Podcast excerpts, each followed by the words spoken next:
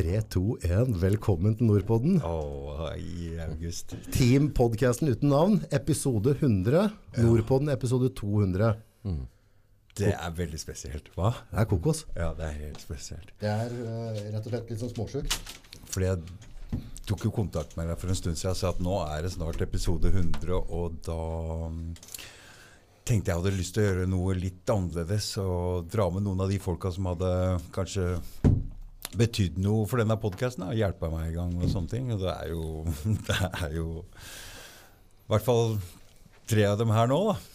Så det er litt interessant. Men at det var din 200 episode også, det var jo litt eh, Det kom litt sånn i etterkant. Det visste vi jo ikke. Er det litt spooky? Er det, er det sånn Er det tilfeldig, eller? Ja. Ja, er det 200? Akkurat? Ja, det er 200 nå i dag. Akkurat 200. Ja, og, og dere har deres 100. Mm. Yes.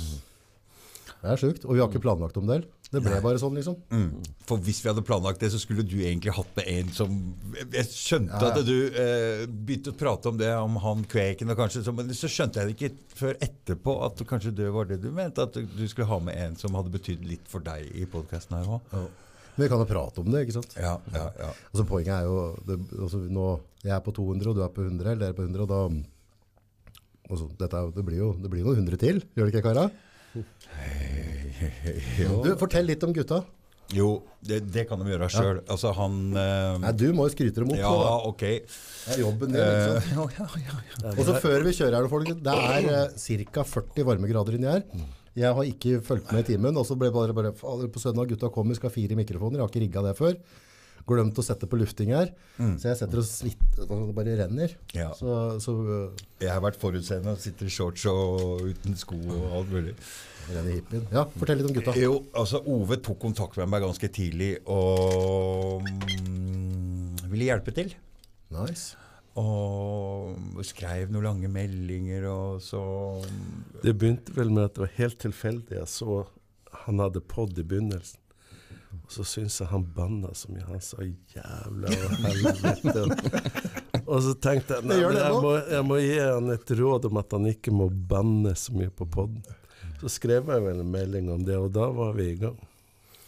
Så du begynte med at du skulle lekse den opp litt på dårlig språk Altså, Ja, hadde fatt, fattig språkbruk er det egentlig, for banning er jo i manko av et godt Jeg hadde ikke lyst til å skrive det i kommentarfeltet, så jeg skrev det på en sånn melding for å si fra sånn ved siden av at hør her, du må ikke banne. Men det tok litt tid å, å venne seg litt av med, og det kommer litt banning ennå. Det gjør det. Men det er jo banning som en slags sånn eh, kraftforsterkende greie, da. Ja, ja. Det er for å forsterke ting. Men videre, og så hva mer om, om gutten din? Ja, så begynte vi å, å skrive litt meldinger frem og tilbake, og så hadde vel vært på noen sånne kurs en gang for mange år siden, sånn mediekurs. Og da hadde jeg lært at hvis man var, man var på hælene, så skulle man stille spørsmål. Hvis, hvis man ikke vet hva man skal si, eller sånn Hvis du møter en journalist, og journalisten begynner å stille spørsmål, og du ikke vet hva du skal si, så skal du bare stille motspørsmål. Yes. Så da sa det, ga han det rådet om at ok, han, hvis han står fast eller ikke vet hva han skal si, så er det bare å stille spørsmål. Ja. Og så, sånn begynte vi å prate frem og tilbake. da. Og Så var det en dag han spurte om jeg hadde lyst til å komme, for han hadde ingen som kunne styre kameraet. Så sa jeg ja. Så, Men du er jo forfatter og gode greier. jeg er vel ikke forfatter. De sier at man må utgi minst to bøker for å være forfatter. Ok, er det har- er det, det som er grensa? Ja, Og jeg har jo bare gitt ut én. Ja. Men snart kommer nummer to. Da, er da, da- da begynner jeg så smått å bli forfatter. Kanskje. Hva er det som motiverte deg til å skrive? Nei, det har jeg alltid hatt lyst til å skrive. Det er, jeg har skrevet på mange, mange bøker, men all, alle er halvferdige. Ja. Så fordi det kommer alltid et nytt prosjekt som er mer spennende, så begynner jeg å skrive om det istedenfor. ja. Og når jeg er halvferdig, så kommer det noe nytt igjen. Altså. Ja. Men nå er det Breivik, eh, Ove. Nå er det Breivik. Du har ikke sagt hva du heter. Det er kanskje greit. Ja, jeg heter Ove André Johansen. Mm. Og du, du, og du vet det hva, det var det morsomt, for det. han, eh, sønnen min han sa Jeg spurte, jeg hadde ingen til å hjelpe meg. Jeg sa kan du ikke spørre Ova? Jeg sa eh, Da begynte jeg å lure Hva er det jeg ikke har fått med meg her nå? Og så viser det seg jo at Ove har jo bodd over sønnen min i hvor, hvor mange år? 16 år. 16 Jeg visste ikke at Dette blir, kon, dette blir Konspipod. Altså, det er episode 100, episode 2, bodd over sønnen i 16 år. Nå skjer det ting her. Altså. jeg visste det, og Han hadde ikke sagt det til meg. Men jeg kan, han liksom, kan ikke bare spørre Ove, men jeg hadde allerede spurt han, så jeg tenkte Men jeg ble jo ganske paff eh, når han sa hvem som var sønnen hans, så, for det visste du. det, Du visste ikke? Nei, jeg visste ikke det. Ikke før han sa det, så det var Det er sjukehus, da. ja. Vi har en skalle til her. Vi har én skalle, og han er, eh, han er skalla også, men han vil ikke ta av seg capsen i dag. Det er Han har vært veldig involvert det siste, helt siden juletider.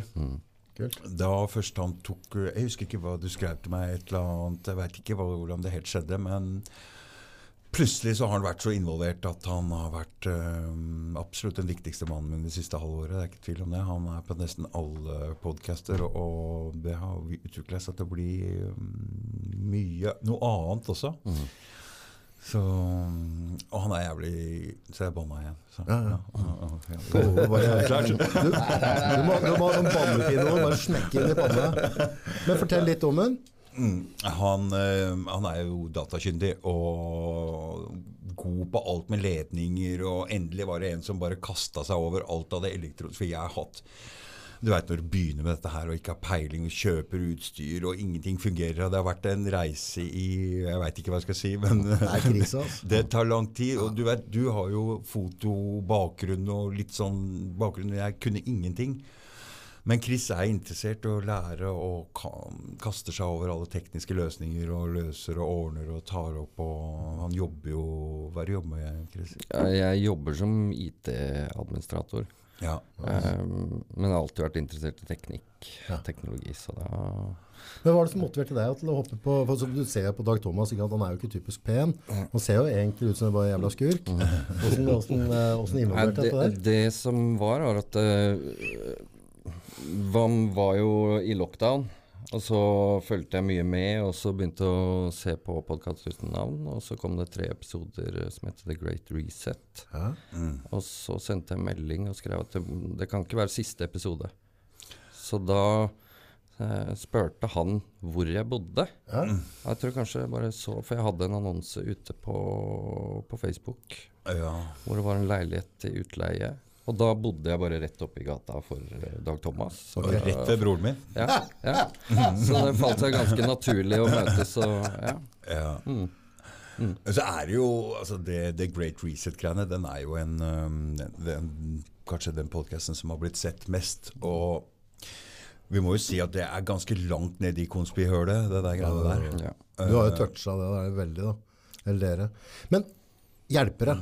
Hvor viktig er det? Altså, for, for jeg tror Det har alt å si. Ja, for mange tenker altså lage podcast, altså det er jo én ting, men, men uh, en ting er på en måte å skape innholdet. Du skal maile og få tak i gjester, mm. ha ideer og sånne ting. Men vi er helt, helt avhengig av å ha gode hjelpere som, som gidder å stette opp. For det, jeg så Selina som kjører podden her nå i dag, dattera mi, nå er det episode 200, som sier at i snitt da, så bruker jeg i hvert fall fire timer da, per pod.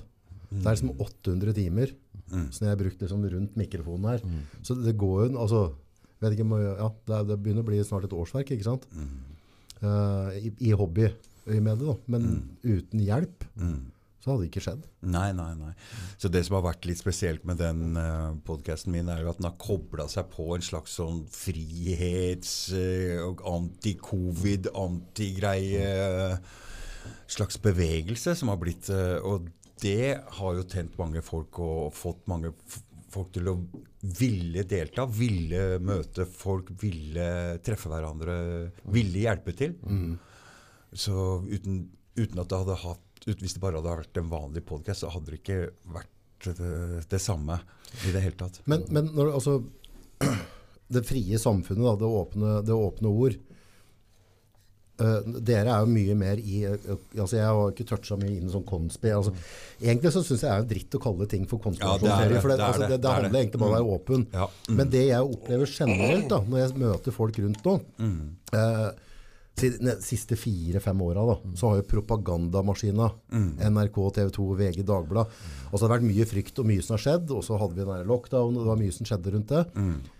Men jeg opplever at jeg møter folk i dagligdag som er jævlig mye mer åpne. Altså, var folk så åpne før, eller, eller har det vært en Kall det en vekkelse. Nå, nå er vi nesten inne i kristendommen her. Men, men altså, for, folk har åpna glugga litt nå, og sluker ikke propaganda. Jeg, jeg tror at det heller er sånn at nå har de stengt alle mulighetene. Altså de, folk skriver leserinnlegg, men i avisene de kommer ikke inn. Kommer du ikke inn med innlegget? Altså, Det kommer jo inn innlegg, men det, er ikke, det handler ikke om de viktige tingene. Sant? Og sånn er det jo. Folk blir jo refusert, og det er jo overalt. Så er det sånn, så folk trenger kanaler. Folk trenger steder hvor de får lufta ting, og hvor ting kommer frem og sånn. Og det var noe av det første jeg reagerte på med Dag Thomas, på at han var flink. da. At han, det her, han har talent for det her. Oh, ja.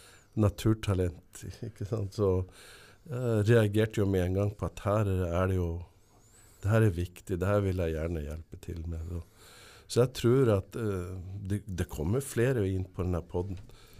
Ja, for det, det, det, det, Det Jeg også følte at det var viktig. ikke sant? Mm, Det, er er derfor jeg ville begynne med podkasten. Det var viktig å få fram noe som ikke ble Er det ikke deilig å være del av altså for Det at, eh, at La oss si hvis du og jeg sitter på bordet her, og på andre sida, så er vi ikke enige.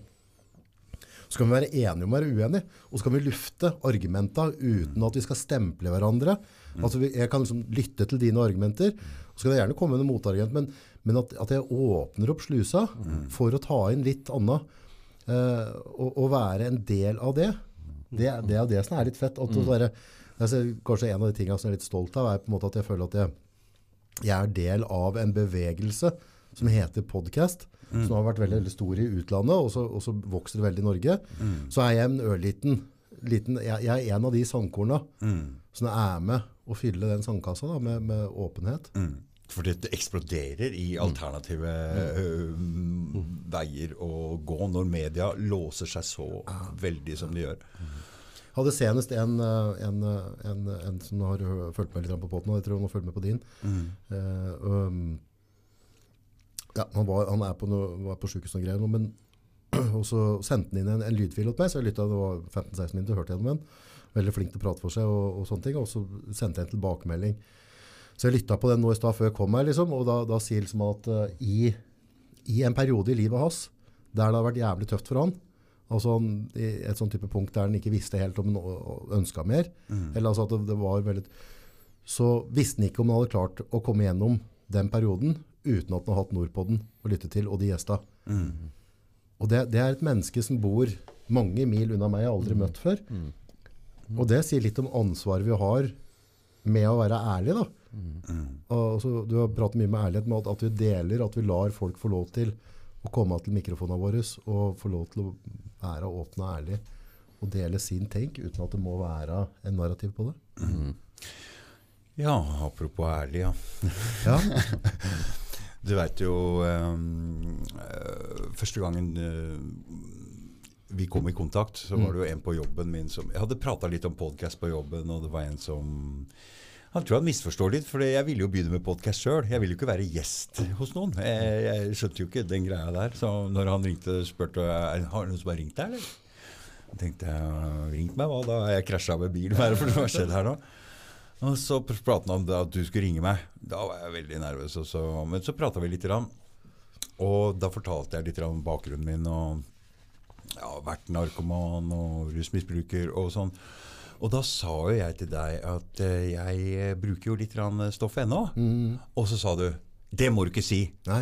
Og jeg tenkte, når jeg kjørte oppover her dagen etterpå, så tenkte jeg Du, August, er det bare for at du skal ha en sånn jævla solsinnshistorie, eller at jeg ikke skal si det, liksom? Da er det ikke greit, fordi eh, jeg ljuger ikke for eh, arbeidsgiveren min, jeg ljuger ikke for familien min. De eh, var klar over at jeg fremdeles brukte litt eh, stoff. Og da tenkte jeg hvorfor skal jeg gidde å ljuge? Men jeg tok det argumentet ditt eh, som, en, som et vektig argument. Det var ikke for at du skulle ha en solskinnshistorie, men Hvis jeg skulle drive podkast sjøl, så var det kanskje greit å ikke si noen ting om det. Ja, men jeg tror det skal komme gradvis, for poenget er at hvis du, uh, hvis du er utafor firkantboksen eh, og klarer å fungere på den, da, men at det ikke stemmer med den, den, det kakeforma vi skal leve i, så har det en tendens at hvis ikke du har samme levesett som meg, at alt det du sier Du kan si liksom 95% fornuft, som jeg kan ta med meg hjem igjen og, og dra med inn i livet mitt, men så debunker jeg alt. Det blir litt sånn Donald Trump. Ikke sant? Jeg har hørt han har holdt taler som egentlig har vært jævlig bra. Og så kludrer han til det på slutten. Ikke sant? Siste to minutter så klarer han det. Og så bare hadde han holdt kjeft da. Men det, ditt forhold til rus og sånne ting, det, er, det er jo ikke noe å holde skjult i det hele tatt. Men jeg tror i starten, Ja, inntil var- folk, folk lar det bli kjent med deg, så tror jeg du skal altså, finne en sånn balanse. Det var riktig også, fordi jeg har hele tida hatt en litt sånn mindreverdighetskompleks når jeg tar kontakt med gjester og sånn pga. den bakgrunnen. Oh, ja, ja. Så har jeg hele tida tenkt ja, er, de vil ikke snakke med meg pga. det og det og det. og sånn. Så det, du vet, det å, å kontakte gjester Den fighten har du hatt ofte. Ikke sant? For det blir på en måte som om Liker de La oss si det er som å sjekke opp damer på nett. Eller la oss si det er Du prøver deg på noen, Ja, ja. og de sier nei. Ikke sant? er- Og det er et avslag, ikke sant? Og du, du, Du du god. er jo personlig i, litt i denne podkasten her. Og det, det har du prata på tidligere òg. Altså, kan jeg du, August, kan, altså, denne her er liksom, denne er i konspiland, August, den podden her. tror, tror, du at, tror du at jeg får gjester etterpå Det det. hvis jeg prater om dette her? Og da har jeg alltid vært Ja. På den så har jeg vært veldig klar med det. At Ja. Drit i det. Du. Mm. er deg sjøl, og så kjører du det du vil. Ja, Interesserer deg for, så bare leverer du det. Så Mm. får folk gi blaffen i å høre på, som ikke liker det. Ja. Men det er jo klart at andre gjester også vil jo si, se hva slags gjester du har. og liksom uh, Får du inn seriøse folk hvis du uh, i det hele tatt sier at du bruker stoff samtidig som du går og prater om de verste konspigreiene? Får du inn seriøse gjester da i det hele tatt? Det er jo et spørsmål. Men jeg tenker tida var inne nå til å si at ja, jeg bruker litt narkotika ennå, under helt kontrollerte former. og Jeg føler at jeg har helt eh, selv om det koster. Allting koster. Rus koster eh, Det er ikke noe opp og ikke noe ned igjen. Du får en karamell etterpå. Men når jeg vurderer opp og sånn fram og tilbake, så føler jeg at jeg har et utbytte av det fremdeles. Og mm, da velger jeg å gjøre det. Men det er, det er ikke veldig ofte, for å si det sånn. nei. Nei, det blir sånn once in, ja. Er, ja. Det blir planlagt, jeg tar meg fri fra jobben. Jeg, hadde, jeg har en ganske morsom historie her skjønner du, som jeg holdt på å miste alt. Um, jeg hadde jo vært rusfri i ca. Mm, 12-13 år. Og trodde at jeg aldri kunne touche det stoffet i det hele tatt. Jeg, da må jeg ligge til at jeg drikker jo ikke i det hele tatt heller. Nei, nei. Så det er ingenting. Jeg røyker ikke hasj, jeg spiser ikke en pille, ingenting. Ikke en sovepille, ingenting. Så jeg var helt nykter. og, men så traff jeg en dame, og da hadde jeg akkurat flytta. Og da hadde jeg funnet noe ecstasy og noe amfetamin. Ja. Og så skulle jeg liksom møte hun den helga, og så sa jeg du, skal jeg ta med det, eller? Og hun bare ja, jeg tar med det. Ja. Ikke sant? Og det var på en lørdag, og mm, greia er at eh, jeg hadde sagt opp jobben min på Alltid Asfalt. Ja. Mm, mm, men så hadde jeg kødda litt med den nye arbeidsgiveren, så jeg sa jeg kan jobbe i ferien. Ja. Når han fant ut det, han eieren i Alltid Asfalt, så sa han nei, det går ikke, du er fremdeles ansatt her, så jeg leier deg ut i den perioden. Ok. I lø så når jeg møtte henne på lørdag, så hadde vi det så kult. Det var så kult, det opplegget, så jeg klarte ikke å stoppe. ok? Så vi holdt på helt langt ut på søndagskvelden, og da spiste jeg et par valium for å sove, og dro på jobben på mandag. Og mm, jeg sitter da med GPS-en. Jeg kjører fullasta lastebil med GPS og skal finne ut hvor jeg skal hen. Og bilen skeiner over i andre fila to ganger. Bilen bak ringer til politi, Ja. og pst, politi kommer, urinprøve, og den slår ut. Ok? Så det som har skjedd, er at jeg sier opp jobben min. Uh, og den nye arbeidsgiveren er jo bare inne i en leieavtale med den nye arbeidsgiveren. Det betyr jeg får jo ingen uh, Jeg får jo selvfølgelig sparken. Jeg har ikke førerkort Ja, lenger. ja. Så uh, jeg hadde jo akkurat arva leiligheten nå. Jeg var avhengig av lån og alt mulig. Men nå, når du sier opp, sier opp sjøl, så får du ikke arbeidsledighetstrygd. Du får ingenting. Så jeg mista alt på ett sekund. På ett minutt så mista jeg leilighet, jeg mista jobb, jeg mista alt. ok? Var det verdt det? Eh, men nå skal du høre. Eh, Nei, det var ikke verdt det, men jeg har lært, det, lært av det. Men det som skjedde, var at um, jeg ringte politidama som hadde saken, og sa Hør her, um, jeg endelig kommer meg tilbake igjen i, inn i arbeidsliv. Og, men hun avslutta, avslutta samtalen sånn som det her. Var det noe mer? Og jeg tenkte, jeg tenkte ok, det, det hjalp ikke så veldig, det der. Men eh, Og så sjukmeldte jeg meg. Eh, jeg bare sa til legen at faen, jeg, jeg Det her er eh, Jeg eh, det her, jeg, jeg er lei meg. jeg har ødelagt eh, livet mitt. Det, så jeg fikk sjukmelding. Og jeg visste ikke helt hvordan det lå an med verken penger eller førerkort eller noen ting. Etter tre måneder så dansa det ned i, i postkassa mi førerkortet og lønning for tre måneder. Og så var alt i orden igjen. Og så ringte gamle arbeidsgiveren min og sa vil du begynne å jobbe her igjen. Vi hører at du har fått førerkortet ditt. Og så alt ordner seg for snille gutter. Fordi jeg vil jo bare være flink. Jeg, siden jeg ikke har så mye arbeidserfaring, så har hele min stolthet har vært jeg går på jobben. Uansett åssen form jeg er, så skal jeg gå på jobben og gjøre en arbeidsinnsats. Så det var jo egentlig målet mitt, men jeg visste jo ikke Men en ting som er liksom viktig å ha med der, da, når det, når du, hvis en snakker på sånn type rus og sånne ting, ja. er at uh, altså, du er en av de få som, som har på en måte vært helt der ute, snurpa inn igjen og klart å finne en balanse. Mm. Eh, Det er veldig veldig mange som ikke henter inn igjen. Ja så også, hvis, du, hvis du leker med dette for det, på en måte, det, er liksom, det som er liksom når vi prater om sånne ting da, Mm. så, så apropos solskinnshistorie liksom, jeg, jeg tror det, det er på en måte det er ikke et budskap vi skal ha ut til folk at eh, jo jo, du kan, du kan leke litt med heavy stoff innimellom og, og tro at det går bra, for i veldig mange tilfeller så går ikke det bra. Du er jo one Mm. nei, kind du men, men, men, men, men August, det er jævlig Nå banner jeg litt igjen, Ja, ja, ja. men det er veldig mange folk som ruser seg. Og det er nesten ingen som tør å snakke om det. Ja. Og det syns jeg det må bli en stopp på. Og jeg syns at uh, i og med at vi har hatt denne rusreformdebatten, Ja, den har foren egentlig forandra landskapet lite grann. Uh, det er ikke all rusbruk som er misbruk. ok?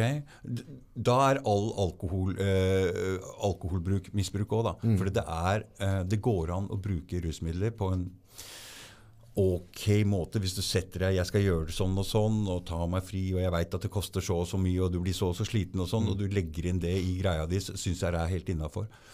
Alle har vi forskjellige preferanser. Noen liker sånn rusbruk, noen liker sånn uh, rus. Uh, og jeg vil gjerne da mm, for første gang nå stå fram og si at ja, jeg liker ikke alkoholrus i det hele tatt. Jeg liker ikke å røyke hasj lenger i det hele tatt. Jeg, jeg, jeg liker ikke.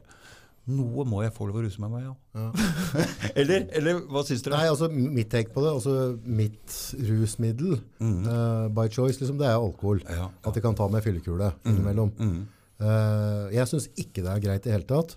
Hadde jeg, altså, hadde jeg fått velge fra toppen av, av lista nå, Ja. så hadde jeg aldri rørt alkohol igjen resten av livet. Nei. Enkelt og greit. Altså, for jeg vet at hvis, hvis vi skal være ærlige, hvis vi skal være ærlige her nå, Ja. Mm. med oss sjøl, ja, og 100% mm. så ønsker jeg at jeg skal ha så stabil eh, indre syke og ha gjort nok gode ting i livet at jeg ikke har behov for å dreie på sannheten med verken det ene eller det andre. Nei. nei. Eh, og, og det, det at jeg har behov for å drikke meg full en gang iblant, eh, det, det er bare en svakhet i min personlighet. Ja. For jeg vet at de ganger jeg ikke drikker i det hele tatt, jeg har hatt perioder som kanskje har gått et år imellom hver gang, det er når, når livet går på skinner. Når jeg har stått opp om morgenen, når jeg har, okay. rikt, når jeg har riktig folk rundt meg, og, og, og jeg får endorfin av at jeg lykkes i jobben, og så alle de tinga der, da har jeg aldri behov for å ta en sixpack med øl på fredagskvelden. Eksisterer ikke. Kommer kun når jeg er liksom ikke helt i balanse. Så jeg vet at hadde jeg vært i 100 vater med meg sjøl, og ærlig med meg sjøl, så hadde jeg ikke rørt. Jeg hadde ikke knekt opp en boks øl. Ok, men Ever. vet du hva, jeg har et litt annet forhold til rus enn det. fordi jeg ruser meg ikke når jeg er lei meg. Nei. Jeg ruser meg ikke når jeg er nede. Nei. I de gangene jeg har, jeg har vært helt i bånn og alt har gått på, på ræva, så har jeg bare slutta å ruse meg. Så bra. Ok, Når penger og alt når jeg har nådd- bånd, da har jeg alltid bare Nei, nå, nå, dette er ikke moro. Fordi den å ruse seg når, man, når ting er helt dårlig, det er bare forsterkende. ok? Så ting bør være i orden. Og ting bør være i orden etter at du er ferdig med å ruse deg også. Mm. Så at du ikke har ødelagt noen ting. Så Ja, men det, er, det er, mitt- du, det, en, min- du har en oppside og nedside Ja, med alt, ikke sant? Og, og, og du skaper jo en nedside med å gjøre det. Ja da. Altså, Det koster, det koster. Ja, jeg kan jo ingenting med, med type sånn der, med, med sopp og all den verden der. Nei. Men hvis jeg skal liksom tro at det skal være noen rusmidler, eller kall det hva du vil, Mm. så blir det psykedeliske ting hvis du er i en tankefase. Du prater med filosofi, Mm. sånne ting for å åpne opp.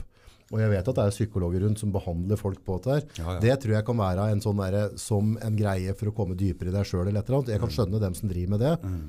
Men, men, eh, men alkohol dette greiene, det er bare en kjempejævla bløff jeg har blitt lurt inn i.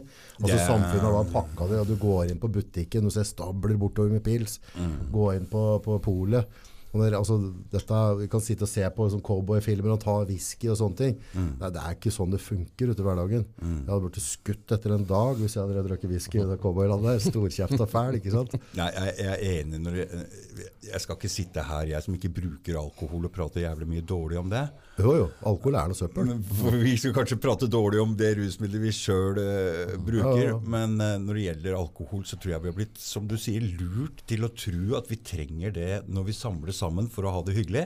Men jeg har vært på Når vi er møtes sammen uten alkohol, at det er samme gode stemninga da. Jo, jo, men men hvis du ser, ser amfetamin, da. Det er- Det er, jo kjemisk fram... Altså, du må jo faen meg ha en laboratorium for å lage det. Ja, det, det var ja. ikke, jeg tror ikke Altså, det er greit om du går og plukker feil sopp oppe i fjellet, og så, og, så, og, så, og så blir du litt mer våken. Jeg er med på den, altså, at, at folk kan forsvare det litt. Som driver og røyker grønt som innvandrere gjorde, som fredspipe. Men verken alkohol som du brenner fram, eller eh, ecstasy og de greiene der. Det er jo rottegift, jo, for faen. Jeg veit at amfetamin er eh, det rusmiddelet som blir prata dårligst om av alle rusmidler. Og det er jeg totalt uenig i. fordi mm, Å, Totalt uenig i det. Fordi eh, vær klar over at dette stoffet blir brukt av folk som vil skrive. De får ekstra eh, inspirasjon du får, Det er et slags konsentrasjonsstoff. ok? Men det er klart at hvis du tar for mye av det, det er ikke veldig bra, for du, blir, du får ikke sove, du, og, du, og du koster og du blir trøtt og sliten. Alt den energioverskuddet du får av det, det må du ta igjen seinere. Hver bidige smule og kanskje litt ekstra. Så du blir, hvis du skal si summa summarum, så blir du mer trøtt enn våken av det når alt er over, da. Til slutt må du ta det hele tida for å ha en normal.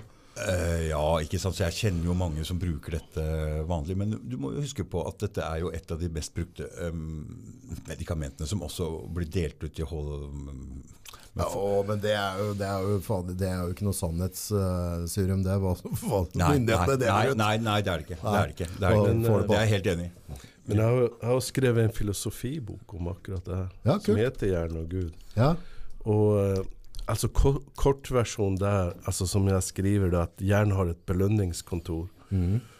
Og når du stimulerer deg selv, så får du belønning av endorfiner, f.eks. Og, og sånn som jeg har hatt det med meg sjøl, så jeg har, jeg har aldri brukt narkotika eller noe sånt. Jeg har aldri hatt behov for det. Jeg, har, jeg er ikke og jeg drikker lite alkohol. Det kan gå ett og to og tre år mellom hver gang jeg drikker alkohol. Ja. Men så kan jeg drikke alkohol og kose meg. Jeg kan drikke en to-tre øl en gang imellom og se på en god film og kose meg fælt. ikke sant? Ja. Sånn. Men det er jo sånn at når du hopper fallskjerm, så blir det jo produsert lykkehormoner. ikke sant? Når kvinner shopper væsker og sko og sånn, så blir det produsert lykkehormoner. Når du spiller spill Folk spiller jo på, på maskiner og, og alt mulig. Da blir det produsert lykkehormoner. Og det er jo eh, eh, Når man bruker narkotika, så tar man jo bare en snarvei.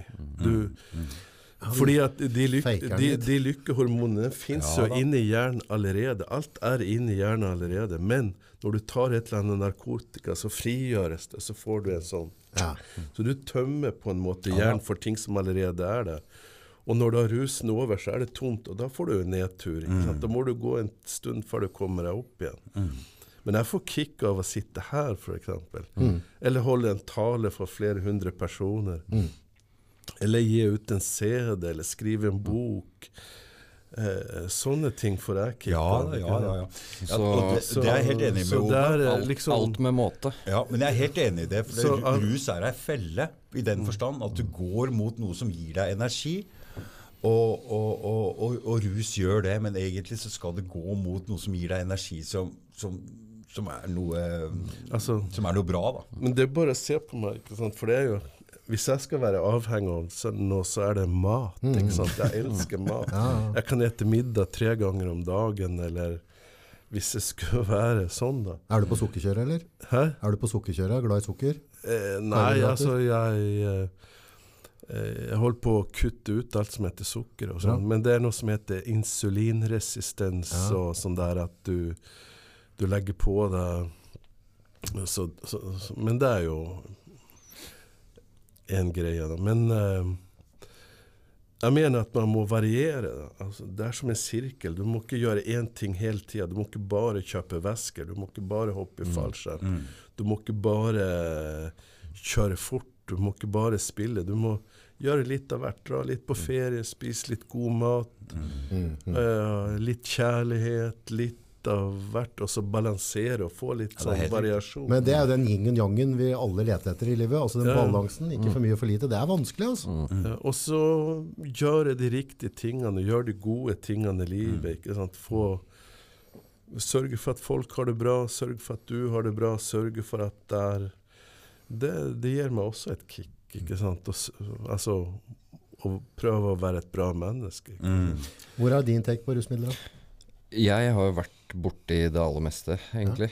Men uh, det passa ikke for meg. Nei. Så jeg tar meg et glass vin og drikker litt øl og sånn, og koser meg egentlig. Og det er vel sjelden uh, at det er overstadig, vil jeg tro, egentlig. Så ja, nei, det Og jeg Det med at man eh, kanskje noen andre hele tida bestemmer hva som er riktig og gærent, kan skape en sånn skamfølelse hos eh, mennesker. Det er helt Som riktig. gjør at man kjører seg sjøl kanskje rett i grøfta. Eh, mens uh, en større åpenhet og dialog rundt alt ville gjøre at det blir enklere å håndtere. Da. Ja, det er det jeg jeg sånn, egentlig er ute etter her. fordi jeg vil jo også si, som du sier, at det er en svakhet med deg sjøl, at det er derfor du ruser deg. Det er det med at jeg ruser meg også. Ja.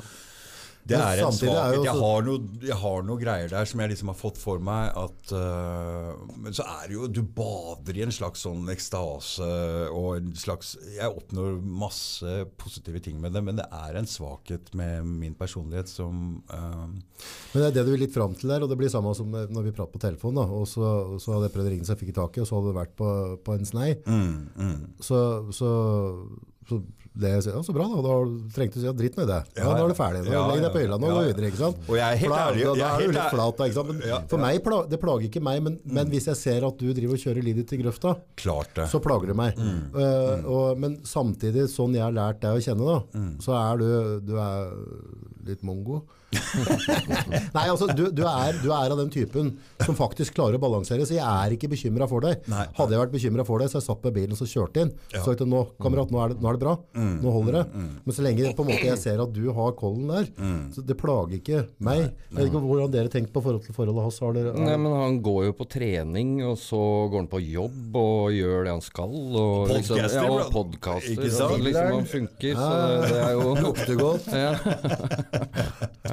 Jeg gjør, jeg gjør det jeg skal, og, men det er klart det koster litt ekstra. Ja, han begynte jo Han fortalte jo tidlig at han har vært narkoman og brukt det litt og sånn, men jeg har ikke noe sånn der han eh, moralsk imot det, eller sånn jeg, jeg fordømmer ikke noen eller noe sånt der, for det er ikke sant. Det er hans greie. Og Min greie er bare at jeg er ikke sånn. Jeg har ikke noe behov for det. ikke sant? Så det er, Det er kanskje det er bare mest sånn. Det, sånn da er du heldig, ikke sant? Det jeg kanskje er mest bekymra for, da, hvis, hvis jeg på en måte har en kompis som, som uh, walking the, the, thin line, at du er liksom på kanten, er at innimellom, som, som vi alle vet, så tar dette livet rennefart, og så smeller det til oss midt i trynet.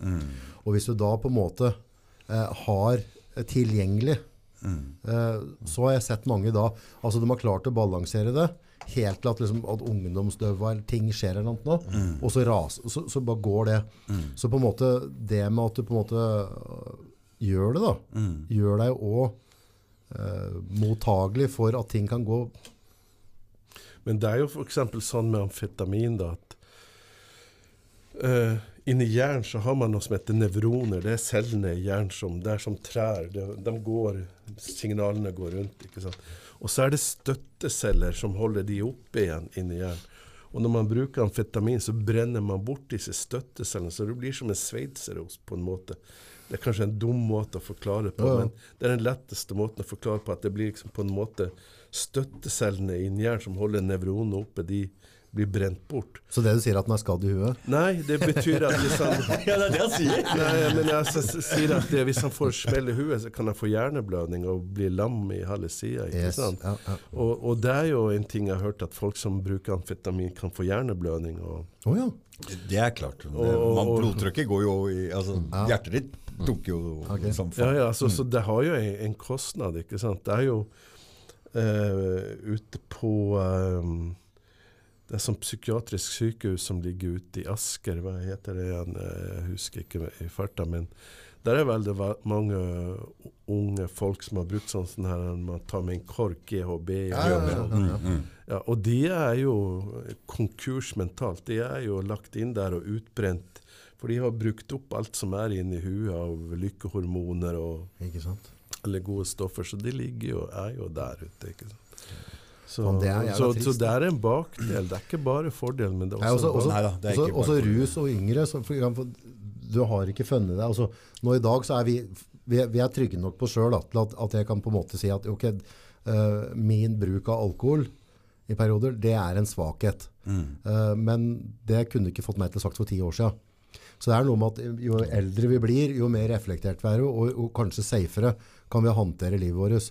Men når du er liksom 16, 17, 18, 19, 20 år, så, så har du på en måte ikke skalla nok i veggen ennå til å finne ut hvor, hvor er det jeg står hen. da. Hvor er jeg? Hvor, altså, Du, jeg hadde en litt morsom take på den uh, den cannabis-debatten som går nå.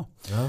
Fordi det har jo vært opprør, ungdomsopprørets eh, stoff. Det er ikke noe tvil om. Ja, men Det har vært og sånn, ja, ja, ja, ja. altså det har vært i, når jeg var ung, så var vi, det var ungdomsopprør. Det var. Eh, Det, det var ikke akkurat hippetida, men, men, men allikevel. Og det har det vært fram til nå. Det har vært ungdommen som selger det. Det er ungdommens eh, stoff. Og det er et slags opprør mot det etablerte. Ok. Så når vi skal drive og legalisere dette her nå og gjøre det statlig, hva skal ungdommen gjøre opprør med da? Hva slags stoff skal de bruke da? For det hasj er egentlig et veldig bra stoff for å Hør nå, veit du hvordan det virker på meg når jeg var ung?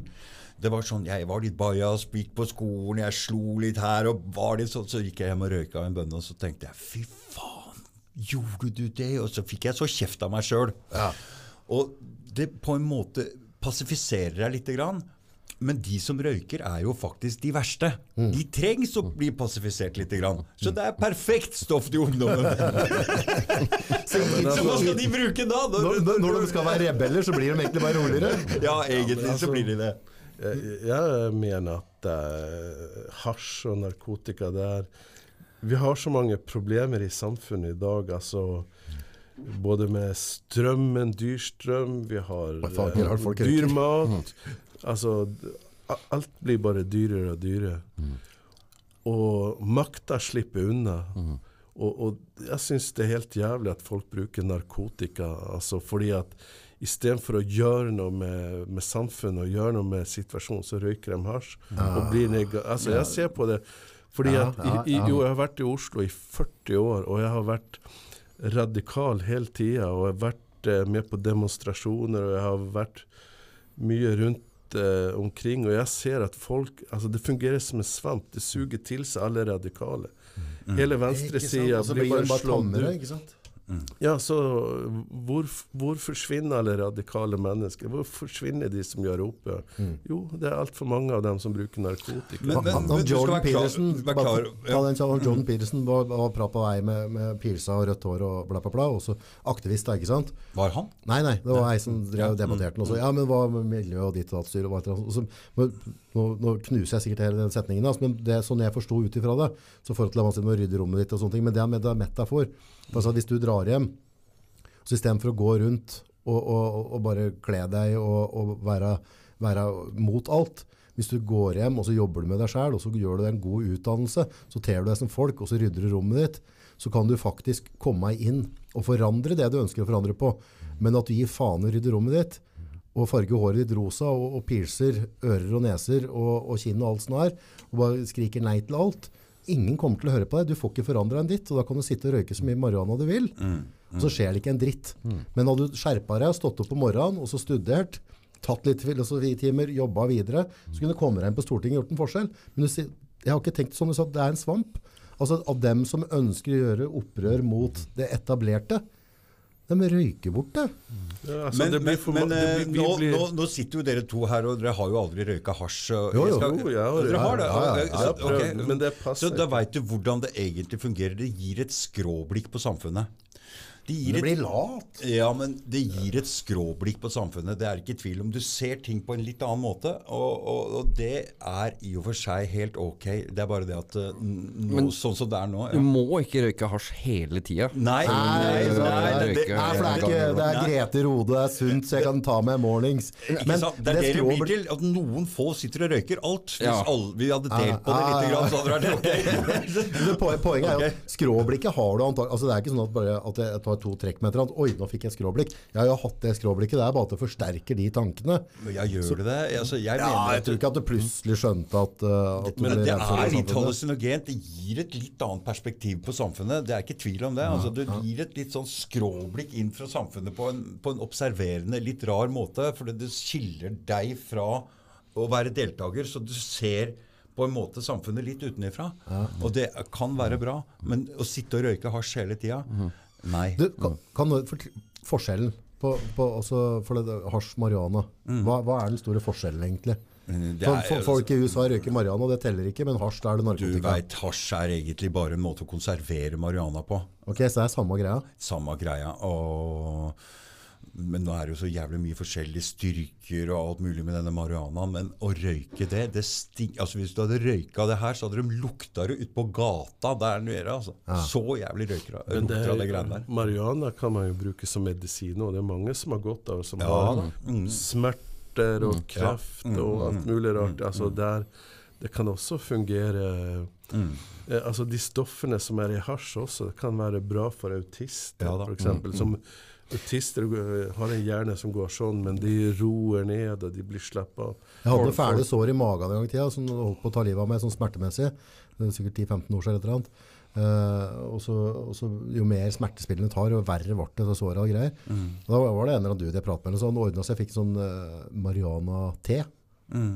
Uh, men det jeg husker da, var at jeg ble ikke, jeg ble ikke speisa, men det tok bort smerten bare. Mm. Men jeg ble ikke, altså, det var ikke sånn at jeg sa Øy, halla, ikke sant? Det, det, var, det var ikke noe det, men det tok bare bort smerten da. Men det var to-tre dager jeg brukte eller noe. Mm. Men jeg fikk aldri noe rus ut av det. Og det blir jo litt sånn som å prate med morfin. Hvis du har knekt ryggene på fire plasser, og du får morfin, så blir du ikke avhengig av det. Men hvis du ikke stopper å bruke morfin i det smerte avtar, så blir du avhengig på 1, 2, 3. Men du, det, det derre rotteforsøket hvor de gir altså morfin og kokain til rotter i bur, Ja. så blir de avhengige. Men med en gang de lager et rottesamfunn eh, som, Ja, nå, da. som rottene trives i, Ja, så vil de ikke ha. Nei. De vil ikke ha den eh, kokain og den morfinen, så de blir ikke avhengige. Så det er litt av livssituasjonen. Men nå ble sirkelen egentlig møtt litt, da, forhold til hva vi pratet på først. Ja. Har vi det bra? Så gidder vi ikke å ruse oss. ikke sant? Ja, det, det jo for, for, for hadde, vi, hadde vi på en måte levd på, på, på Sydhavsøy nå og slurpa i kokosnøtter, og du har bare gått rundt der og hatt det helt ålreit Ikke sant? Ikke noe mas, ikke noe skatter, ikke noe styr og stell, så hadde du ikke giddet å ruse deg. Nei, det er en eh, svakhet, en defekt hos meg, som jeg egentlig ikke har lyst til å snakke om akkurat i dag. Eh, men jeg skal ta det en eller annen Ja, ja, ja, gang, ja, for det er jævlig ja. personlig. Ja, ja. Og det har noe med sex og det har ja, noe med det å gjøre, ja, ja. eh, som jeg liksom har innbilt meg sjøl. Ja, ja, ja. Ja, Men jeg har jo kjent veldig mange folk, altså helt fra jeg var tenåring, som har røyka mye hasj. Ja.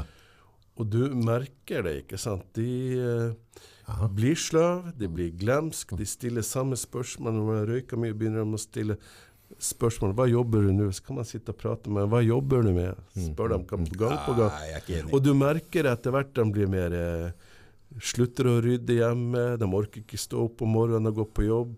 Til slutt så ender de som uføretrygda og Det, det, det er jeg helt enig i. Jeg har Og sett det- dem som røyker ofte okay. bli kjedelige. Altså. Ok, det er greit, men jeg jeg kjenner kjenner nå folk som har røyka i 40-50 år snart, og de er helt oppegående. Ja, jo, men jeg har Ok. sett folk også Hver dag. Og så de går, har gått videre til amfetamin og heroin og tyngre stoffer, og mange av dem er døde av overdoser. ikke sant? Ja da, det er ikke tvil om det. Så det er, det er en rekkefølge sånn der på det utvikler seg. Fordi, det fordi det er i samme miljø. For det er i samme miljø. Egentlig så har ikke disse tinga noen ting med hverandre å gjøre. Altså Hasj har ikke noe med amfetamin å Mm. Nei, nei, gjøre, bortsett fra at det fins i samme miljø. Ikke sant? Ja, ja. Og da, da er det en utvikling der. ja, ja. Men det som, det som var litt fett, er det Dag Thomas sier med det, med det eh, rotte, rottekjøret. Så, så vi har jo vist det nå, da, ikke sant? Og, og det så de altså gutta under Vietnamkrigen som brukte heroin så det tøt. ikke sant? For det som skjedde der, hvis jeg forsto det rett, var at alle drev og røyka hasj eller med marihuana. Men så, så pratet vi, det stinker jo, lukter jo overalt. Så de, ble, de ble, eh, fikk stryk av befalet og, og fikk trøbbel. ikke sant? Og så fant de hvis de røyka heroin, så lukta det ikke. Så da blanda med heroin i sigaretten, så begynte vi å røyke det. Og så var det sånn der type fire millioner soldater eller noe, eller 400 000, altså det var noe helt sånn kokostall, som gikk på heroin. Men når de kom hjem igjen, så var det liksom bare 95% som bare slutta på dagen. Oh, ja. Så lenge du tok dem ut av jungelen, og at folk skulle drepe dem hele tida, så hadde de plutselig ikke behovet mer. Så spørsmålet er jo da, når jeg da går og kjøper meg sixpack med øl, eller går ut på byen, eller, altså er det for at jeg er i det rotteburet jeg ikke trives i? Ikke sant? Er det der vi, altså, er det det som gjør at vi alltid Men, men det er jævlig og det ser du i USA og i, i slummen der. Der, der de lever jævlig tøft, der er det jo mer crack og metamfetamin. Ikke, Ikke sant? Og, ikke ja, om det. men- Men, det, som, det som vi glemmer litt, er at det er jo en egen økonomi i det her. Det er jo et eget samfunn med en egen økonomi. Uh, og det er en stor drivkraft til at det i det hele tatt finnes. Ekstere, ja, ja, ja, ja. Det må vi ikke glemme, for det, når ungdommen uh, ser hvor lett det er å skaffe seg damer, biler, altså penger så det er, ja, ja. Penger er energi, og de suges mot det. Men, Så- men jeg har drevet mye med musikk og lagd låter. Skrive låter, spille gitar og sånn. Jeg har gitt ut en CD. Hva heter den? den heter Storbyjungel. Storbyjungel. Ja, det er også, men for veldig mange år siden så, så drev jeg og spilte med en del folk og øvde. Og jeg hadde skrevet låter og bestilt tid i studio. Vi skulle gå i studio dagen kvelden før, så øh, Altså før vi skulle gå i studio, så var det jo øving da, kvelden før. Men da er det jo blir litt øl og hasj på noen av guttene, og da og når jeg da møter opp i studio dagen etterpå for å spille inn, så kommer jo kanskje én eller to, resten kommer ikke. ikke sant? Så det blir jo veldig sånn der enn at du Altså, det er slitsomt å forholde seg til eh, også musikere som bruker hasj, ikke sant. Så eh, Så jeg har lært meg etter hvert at eh, hvis jeg skal ha noe gjort, få ting gjort og utretta ting, så kan jeg ikke forholde meg til folk som røyker for mye hasj, for det skjer ingenting. Det blir bare masse prat. Sitte på puben og røyke og drikke og prate om at jeg skal gjøre dit og datt og dit og datt. Vi, øh, og jeg er en sånn der som setter i gang og gjør ting og sånn. P- Prøver å få ting til å skje. Men jeg har opplevd mange, mange, mange ganger at ting, du får ikke ting til å skje hvis du skal forholde deg til rusmisbruk. Nei, du, det, du har litt rett angående det der med hasj, for det er alltid mye tanker og ideer og sånn, men du er, blir veldig passifisert av det samtidig. Så du har litt rett i det at det kan bli mye høye tanker og prat, og veldig lite Men action. hvis og- folk- og, og, og, så det er Men hvis Samme er det med alkohol òg.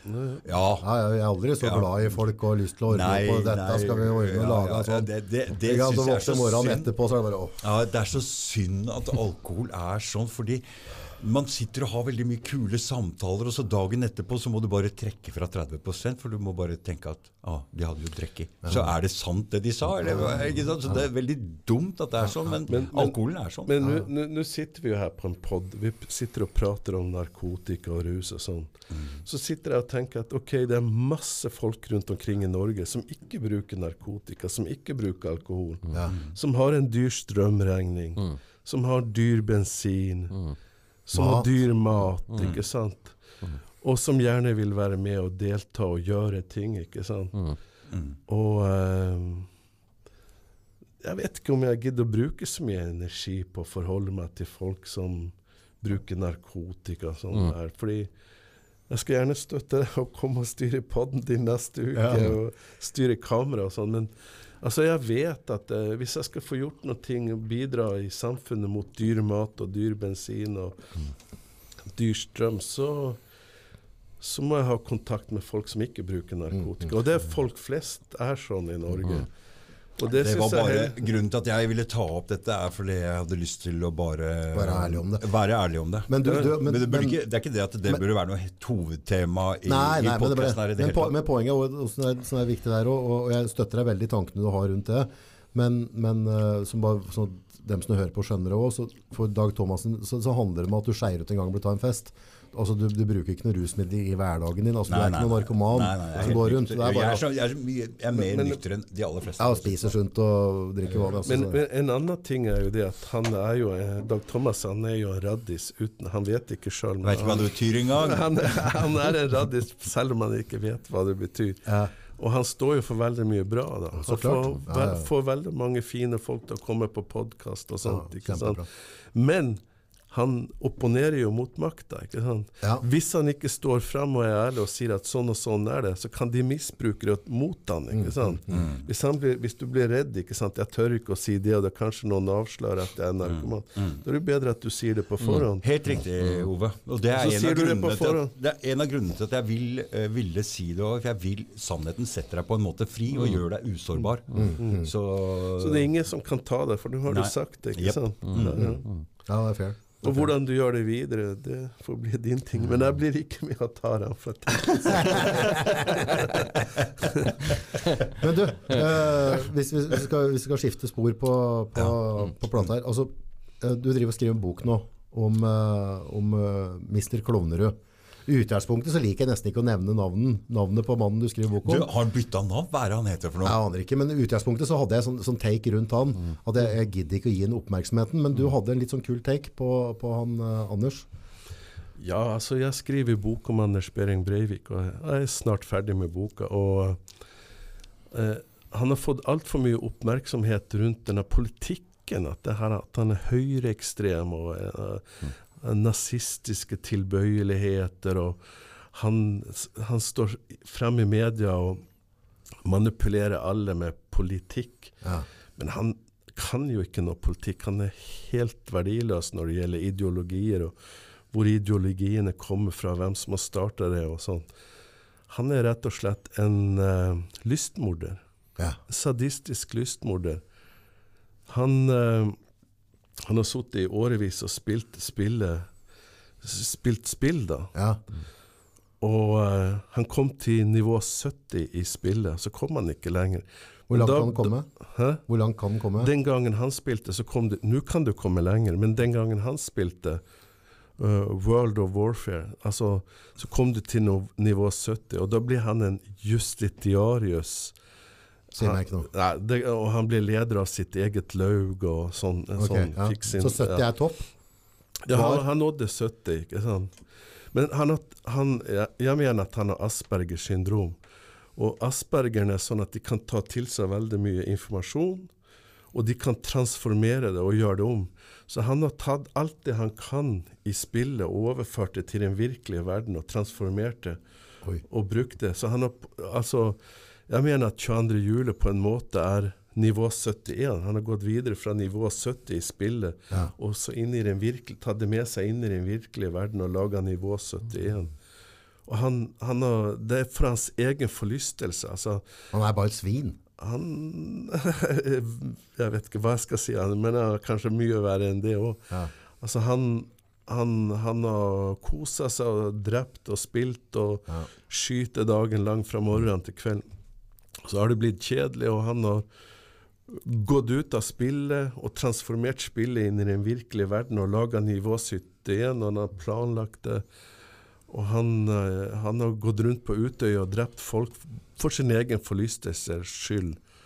Han er rett og slett en sadistisk lystmorder. ikke sant? All politikken han prater om, det er bare tull. Det er bare fake. Det er hans Har du og, tenkt på det, hvis du ser på, på Lenin, og du ser på, på om det er Putin, eller om det er Adolf Hitler, eller om det er Stalin, tror du mange av dem at det bare rett og slett var sadistiske svin, og så har de bare gjemt seg bak en platat Nei, av en altså- ideologisme? Nei, altså, det er jo spesielle personligheter, sånn som Hitler og Quisling, da. Ja, Jeg kan ikke så veldig mye om akkurat Lenin, da, hva slags personlighet. Men Hitler han var jo en enstøing. Han uh, var ikke inne i noen miljøer, han holdt seg for seg sjøl, han hadde få venner. En av de få vennene han hadde, var Quisling. Quisling var jo nede og møtte han elleve ganger. Oh, ja. Så Hitler og Quisling var jo gode venner. De hadde samme vibber. Men Quisling var jo også en enstøing. Han hadde ikke noen venner eller få venner. Han var den beste eleven på 100 år når han ble utdanna som befal. Ja. Quisling kunne masse språk og sånn, men han var helt verdiløs når det var, gjaldt sosiale ting. Så jeg mener at Quisling og Hitler det er samme type personlighet. De kan, de kan mye, de husker godt, og de transformerer virkeligheten. Og, og de vet sjøl at de har evner, da. Så de blir det jeg kaller for hypernarsissister. Altså de, det er ikke bare det at de er narsissister, men de er hypernarsissister. Men det, det har alltid sånn, et sånt problem å forstå, det, det har jeg sett masse dokumentarer, og jeg klarer ikke å få en forståelse for det.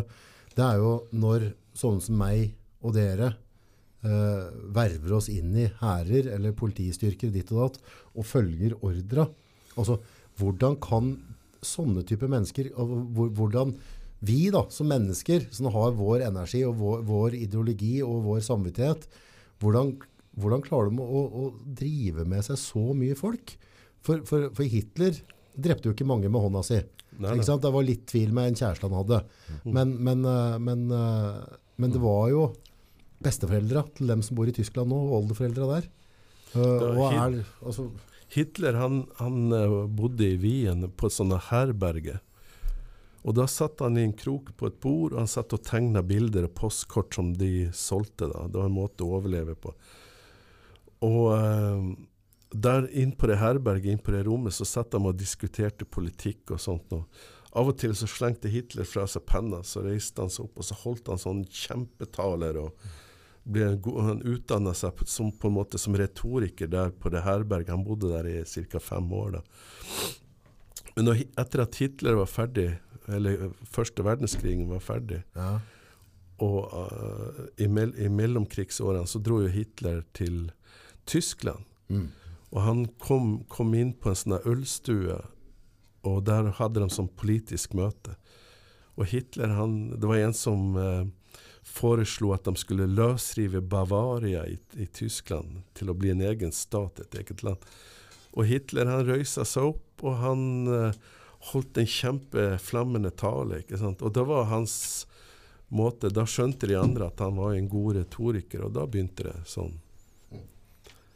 Men eh, så Hitler han hadde sine egenskaper. Han var Men hvordan, altså, hvordan, hvordan få med et helt folk ja, det på, som, på noe så grusomt? Altså, hvor, hvordan, Jeg, jeg mener du har forstått, misforstått hele annen verdenskrig, men det er ja, samme det. ja, men altså, når, når, når Hitler begynte i den ølstuen der å holde taler, så var det soldater som hadde vært med i første verdenskrig. Hardbarka soldater som hadde krigserfaring, de hadde erfaring med å organisere seg og slåss. Og Hitler holdt taler for dem, og det ble jo disse brunskjortene. og Mm, de, Hitler fikk jo tak i folk med en gang som han kunne bruke til å bygge opp. Men det hadde ikke han Breivik. Nei, nei, nei. Breivik han kjente ingen. Han prøvde å skape sin egen greie, akkurat som Hitler. Han, han uh, begynte å prate om om, um, om eh, Hva heter det sånne her, riddere og, og, Ja, ja, stemmer det. Ja. ja, og, og knights og Tem tempelriddere. tempelriddere og sånt. Så han prøvde å verve folk. I, han lagde en sånn fake organisasjon som heter Knights Templar, som han prater om, som han skriver om i manifestet. Han Breivik prøver å verve folk som han tror er høy- høyreorienterte og eh, nasjonalistiske, til å bli Knights Templar. Når, når han Breivik holdt forsvarstale i retten, så sa han at Norge må gi disse Knights Templerne og disse må, 2% av Norges land og rike, så de kunne få sin egen stat. og sånn. Så han, Breivik har jo prøvd å bygge opp det her med Knights Templar og verve folk, da. Men han har jo ikke Han prøver akkurat som, som Hitler gjorde. Men Hitler hadde jo soldater da, som var, hadde kriger, men Breivik hadde ingen. Men tenk, altså jeg har sånn utgangspunkt etter det første gangen jeg prata med han om han uh, foran noe kamera eller noe som helst noen gang. Og, og det var bare sånn Jeg hadde ikke lyst Altså, jeg ønska ikke gi det type vesen noe oppmerksomhet. Men samtidig så ser jeg jo altså Takea dine nå er med på en måte å rive han ned. Og det er jo en positiv måte å prate på han. Men hva er deres take som forhold til med, med det, all den medieoppmerksomheten han fikk? eh, Og den, altså, er det verdt å prate på? Altså, er det viktig å skrive bok om det? Altså, altså, hvor, Jeg tror alt er verdt å snakke om, jeg, ja. egentlig. Hvis ikke, så ja, ja, for vi, tror jeg ikke det funker så veldig bra. snakker vi ikke om det, så kan det gjenta seg. ikke sant? Ja. Og det er det vi ikke vil. Du, når det gjelder den 22. juli, så har jeg en gjeng med folk som tror at det var flere skyttere. Og det er jo en stor sånn Er det? En ganske stor konspi-variant som mener at det var flere skyttere. Alt den greia er en stor konspi, men Ove mener jo noe helt annet. Altså, jeg mener rett og slett at Breivik han lagde bomben og sprengte den i regjeringskvartalet kun for å avlede politiet lenge nok til at han kunne dra ut til Ja. Utøya og skyte så mange som mulig. For sin egen forlystelse skyld. For å se hvordan det var å drepe mange folk i virkeligheten. Herregud. Mm. Han er rett og slett en lystmorder. ikke Du, skal, nå eh, tenkte jeg kanskje at Kristus har ikke snakka så veldig mye nå. Jeg har ikke lyst til å snakke. du, Men du må Ta jævla lite plass der. Men du må, men du må. Eh, for det Når du eh, tok kontakt med meg og når det gjaldt The Great Reset, så Yes. utvikla The Great Reset seg til noe annet. Med han Mr. X. Mm. fordi det første, første seminaret ble jo eh, et eh, seminar om naturrett, som The, The Great Reset handla om. Men neste seminar så overraska han litt grann med eh, en liten annen vri. Og det har utviklet seg til å bli noe som du er en sterk deltaker i. ikke sant? Hva er The Great Reset? Ja, det er jo eliten som eh, liksom vil påføre oss et levesett eh, framover i tida, da, hvor de har et narrativ eh, på det hele. Men ak det, var, det, at det at du har kalt det podkasten The Great Reset, er det litt sånn eh, Litt sånn Det egentlige innholdet der var jo naturrett. Altså det er det med å eh, bli mer selvstendig, da. Selv, selvforsynt og selvstendig i seg sjøl. uavhengig av systemet, kanskje. Mer uavhengig av system. eh, Det, det, narrativ, altså det, det, det med at eliten da, skal, skal kue oss hattemakere, eh, det vet jeg det er mange som tenker «Ah, herregud, jeg er ikke veldig på konspigreiene. Så jeg kjenner liksom håra reiser litt når du begynner å prate på det, men samtidig så er det sånn Se hva så- som skjer. Ja, ja, altså, se. ja, men se hva som har skjedd. Se hva som altså, skjer. Om det er, om det er, om det er, om det er eh, om det var russere i gamle dager, eller om det er tilbake til romertida, så var det jo, altså du hadde en politisk, du hadde en elite, og så hadde du folka i gata Som ønsker som spiste crumbs som lå på bakken, ikke sant? Brød og sirkus. Ja. Så brød og sirkus, hele opplegget. Så, så det er jo ikke sånn at, at eh, en siste diktator døde med, med, med Stalin og, og Hitler, for å si det sånn. Altså det, det er jo nye folk, så, så vi, vi er jo dumme hvis vi ikke passer oss litt, grann, da. Følge med. Ja. Men det blei noe annet ut av det. en naturrett, for det utviklet seg til å bli noe som ble kalt for karma. Ja, det er jo Altså det er jo så mye sensur og sånn på sosiale plattformer, ikke sant. Så, Og eh, veldig mange meninger og tanker eh, rundt ting blir sensurert eller skyggebanna, sånn at ikke andre, allmennheten, får se det. Eh, så da var tanken at eh, ok, vi må, kanskje opprette sin egen private plattform hvor vi eier det, hvor vi bestemmer over det. Hvor det er en større frihet til å kunne snakke om alt. da. Så da er det oppretta en egen plattform for det, og det raser på med folk uh, hele tida. Men det, det er- det skal jo bli noe mer òg, for det skal bli et eget samfunn. ikke sant? Ja, det planlegges hele tida i dialog med mm, medlemmene, da.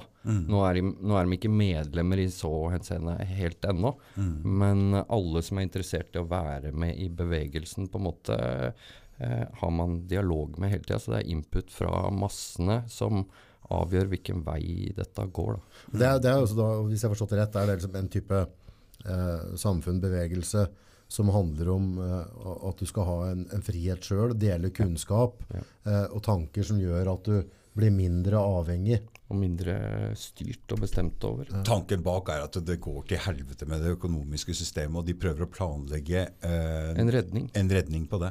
Ja. Rett og slett. Det er mange som tror at det økonomiske systemet kollapser totalt nå, og jeg er til dels enig. Veldig mange har mista tilliten nå under disse siste åra.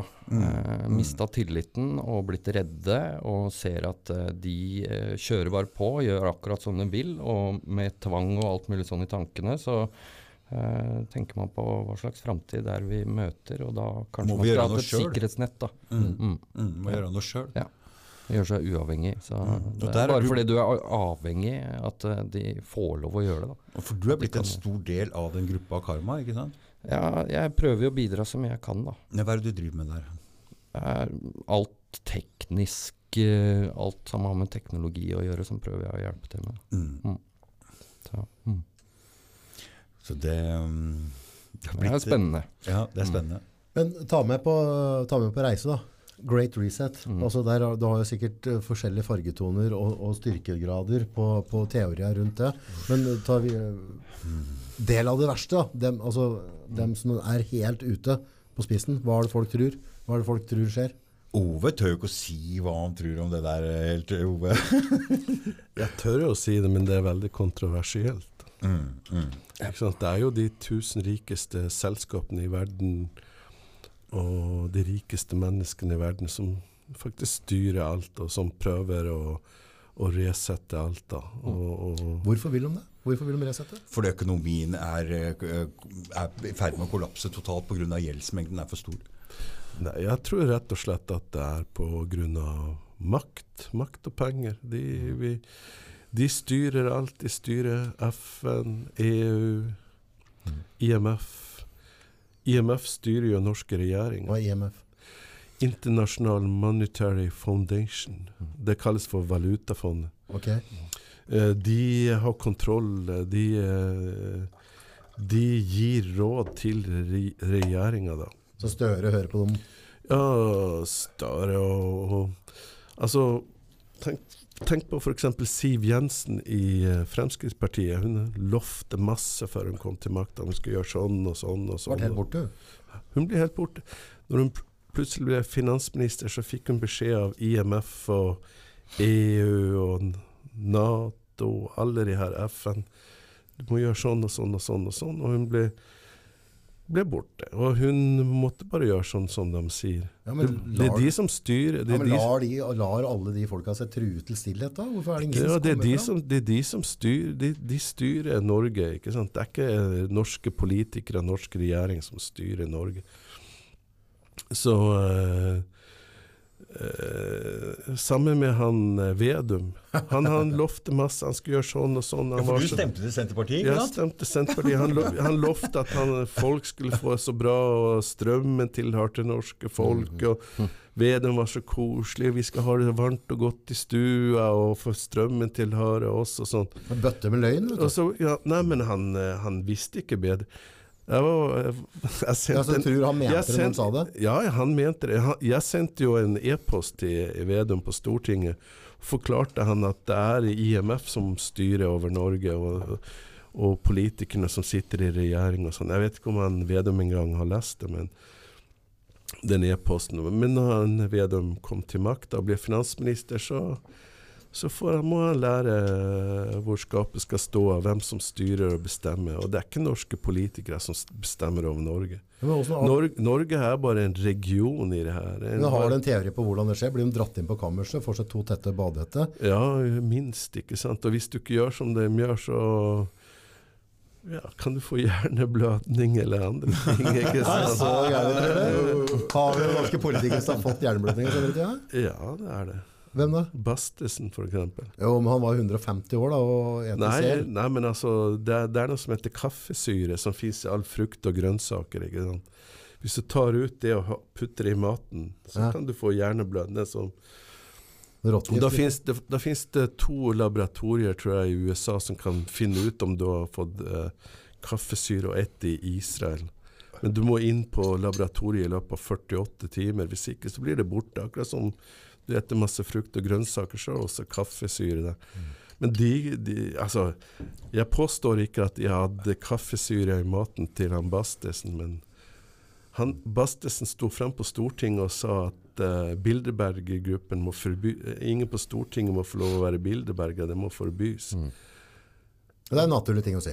Ja, og så to dager etter han, Jeg tror han var ute og spiste middag med en del gjenger av den der eh, stortingspolitikerne, og to dager etterpå, eller noen dagen etterpå, så fikk han hjerneblødning. ikke sant?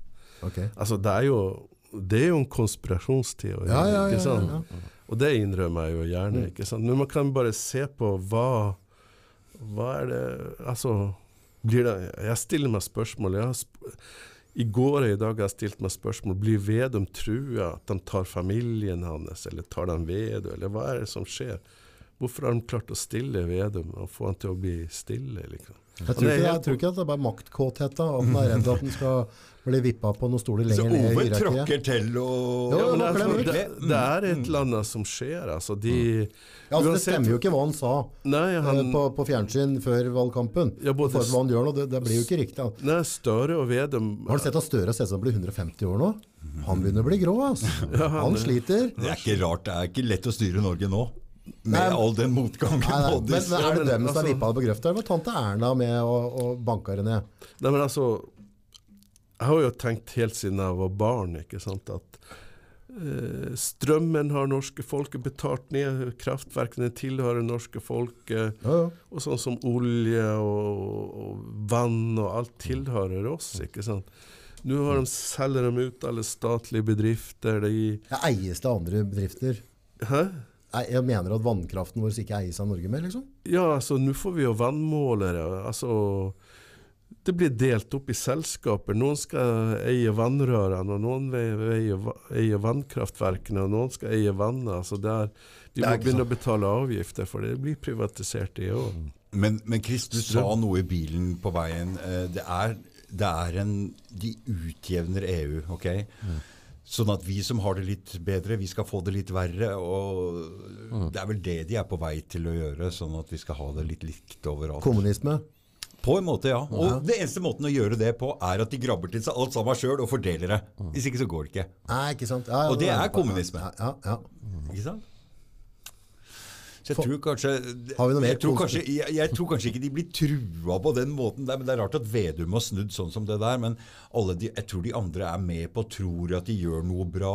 Uh, men, det, men det går utover den norske befolkninga. Vi kommer til å få det verre her. Men det, det er jo sånn derre uh, uh, Jeg kan ikke politikk, så, så Ikke jeg heller. Men, men øh, hvis du tar Vedum eller han, han Støre, da, eller Jens, eller øh, Så magefølelsen min, da, altså min, sansen min, er at jeg har bare null respekt for dem.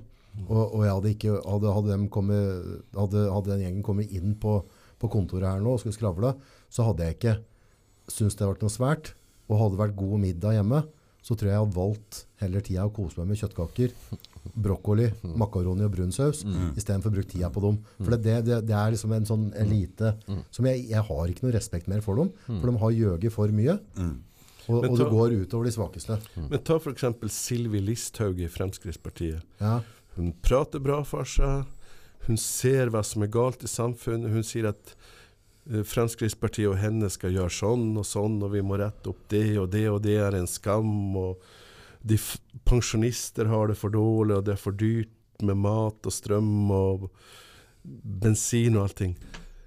Og sammen med hun i Venstre som er leder der, jeg husker ikke hva hun heter. Altså Hun kom jo også med masse gode forslag. Sett dem inn i regjering.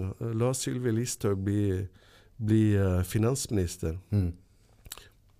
Med en gang. De kommer til å sette på plass med en gang. Hun, alt, det- alt det hun har lovt, blir bare borte. Ikke sant? Du får ikke lov å gjennomføre noe. Jeg husker ikke hvilken podd det er, men du roter nedover i podlista mi, så har jeg hatt en podd med Sylvi.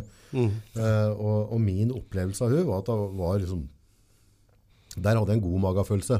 Mm. Jeg opplevde at hun kom fra et godt stelle uh, og hadde liksom et, et rent budskap å komme med. da. Mm. At det var jævla lite kludder. Så jeg, liksom, tanken min var sånn, jeg hadde ikke hatt noe problem med å sitte og spilt uh, ludo og yatzy med hun på hytta i helg. Jeg Mm. tror ikke vi hadde vært uvenner. altså Hun var en likeable dame. Og så syns jeg at hun hadde liksom kom fra en bakgrunn som, som jeg kan resonnere. Altså, hun er vant til å få møkken i negla og potte altså, Godt stykke. Ja, men det det jeg sier, akkurat som Vedum. Hun lover masse og sier veldig mye bra og ter seg bra og fremfører seg bra. Men får hun makt, så blir hun knebla, akkurat som alle de andre. Ja, det er ikke, er det maktsjuka, eller er det trusler, tror du? Nei, altså, det systemet, de som styrer verden, styrer Norge, de styrer politikerne. IMF og Men Finnes det bevis for det at, at IMF at de har direkte kanaler inn til Ja, ja, det er bare å google. Eh, Google regjeringa. IMF slash regjeringa.no, så står det jo om IMF der. Det er bare å lese. Gå på regjeringa sine hjemmesider. Står alt sammen, svart og hvitt. Gro Harlem Brundtland er en sånn person jeg har litt sånn, litt sånn uggen magefølelse på rundt. Mm. Jeg vet ikke ja, om han, men det nei, men virker altså, sånn, der er det virker som det er litt grums, da. Ja, ja, men eh, altså, Gro Harlem Brundtland har Jeg mener at hun er mer sånn at du har, du har de politikerne som vil godt, som vil i utgangspunktet vil norske befolkningen godt, som lover og sier sånn og sånn og sånn, og så kommer de til makta og blir knebla. Men så har du de politikerne som har makt, som vet hva de gjør, som gjør dumme ting, som altså, Gjør det bevisst. Gjør De er det bevisst. De ja, de er med på De er med, en del de av systemet. ikke Mm. sant? Og der mener jeg Gro Harlem Brundtland er mer inne i det. ikke sant? Og, Og er pådriver på det. og er pådriver. Hun er en del av altså, Mm. gjengen. da. Men, men det, er, det er ikke sikkert at det ligger en helt ondskapsfull tanke mellom det å fordele ressursene likt over hele Europa. Ja, det med Ikke sant? Så det går an å, å få disse politikerne til å tro at de egentlig gjør noe bra, men, men de lyver for oss. Ja. Det er ikke akseptabelt for meg. Det er vel noe med klima og kloden og alt ja, mulig. der At mennesket er vedtatt som fiende av eh, kloden. Mm. Så er det vel kanskje noen som ønsker å gjøre noe med det, da. Mm. Ja, det er det det går på. Ja, jeg, jeg, jeg mener jo at miljøet altså helt klart at, at vi, vi må rødflagge altså vi, vi, altså Bruk hua, folkens. Vi trenger ikke drite ned kloden vår med, med kjemikalier og plastikk. Og, nei. altså, det, er, det er lov å bruke huet. Vi trenger, vi trenger ikke oppføre oss som idioter. Men jeg tror heller ikke at den, at den sprekker på midten i morgen, om vi ikke hører på hun der, hun der svenske jenta. eh, Men det er klima, klima og miljø er to forskjellige ting. Og det er jo ikke en eneste miljøbevegelse igjen som prater om miljø. De prater jo bare om klima. Og han, hva er forskjellen, mener du? Klima og miljø? Altså, klima er jo CO2 og nå det nye nitrogen og sånne ting, og varme og greier. Ja. Oppvarming av kloden, som Ja, vi tror på. ja. Miljøet er jo gifter og dritt og mulig vann og plastikk så og greier. ikke sant? Ja. Så det er jo viktige ting å ta tak i. Ja. Masse viktige ting å ta tak i. ja, men- jeg har ikke sett forskjellen der. Jeg trodde det var samme å suppa. Nei, så alle liksom prater bare om klima. Det er der de gjør en stor feil. Det eneste var jo han Vi skal der prate som om miljøet, vi skal prate om bruk huet. Egentlig, egentlig. Slutt å egentlig. drite i, i vannflaska di, liksom. Ja, men det, det er jo en måte de Altså de samme folkene som jeg har pratet om, som sitter og styrer verden, de styrer verden med frykt.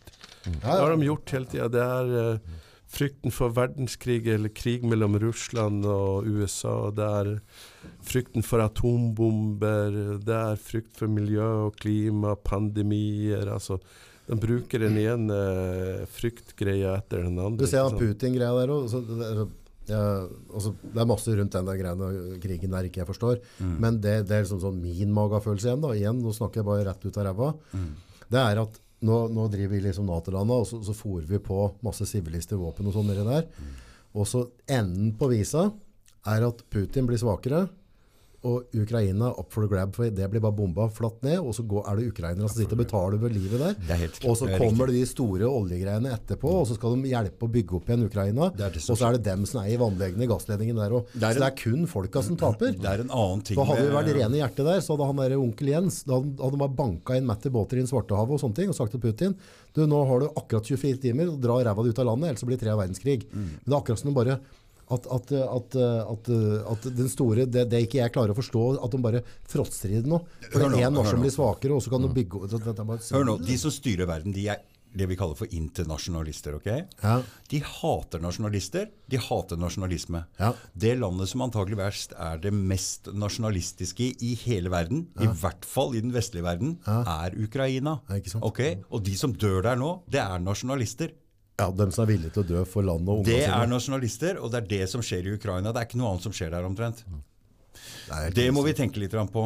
Så det blir kvitt to problemer her. på Ja, for da, det så han Jensemann drev prata My Conscious, han satt der med norsk-engelsk sin og pratet på samvittigheten sin og ditt og datt, og. Og da hadde han hatt dårlig samvittighet, så hadde de stoppa han av krigen. Mm. For vi ser jo det, altså vi ser uh, det Putin de er klar å få til nå. De er ikke akkurat sånn gørproffe, så hadde verden, hadde Nato og hele verden gått inn på døra der og sagt at eh, kamerat, nå ligger du jævlig dårlig an hvis du ikke skjerper deg.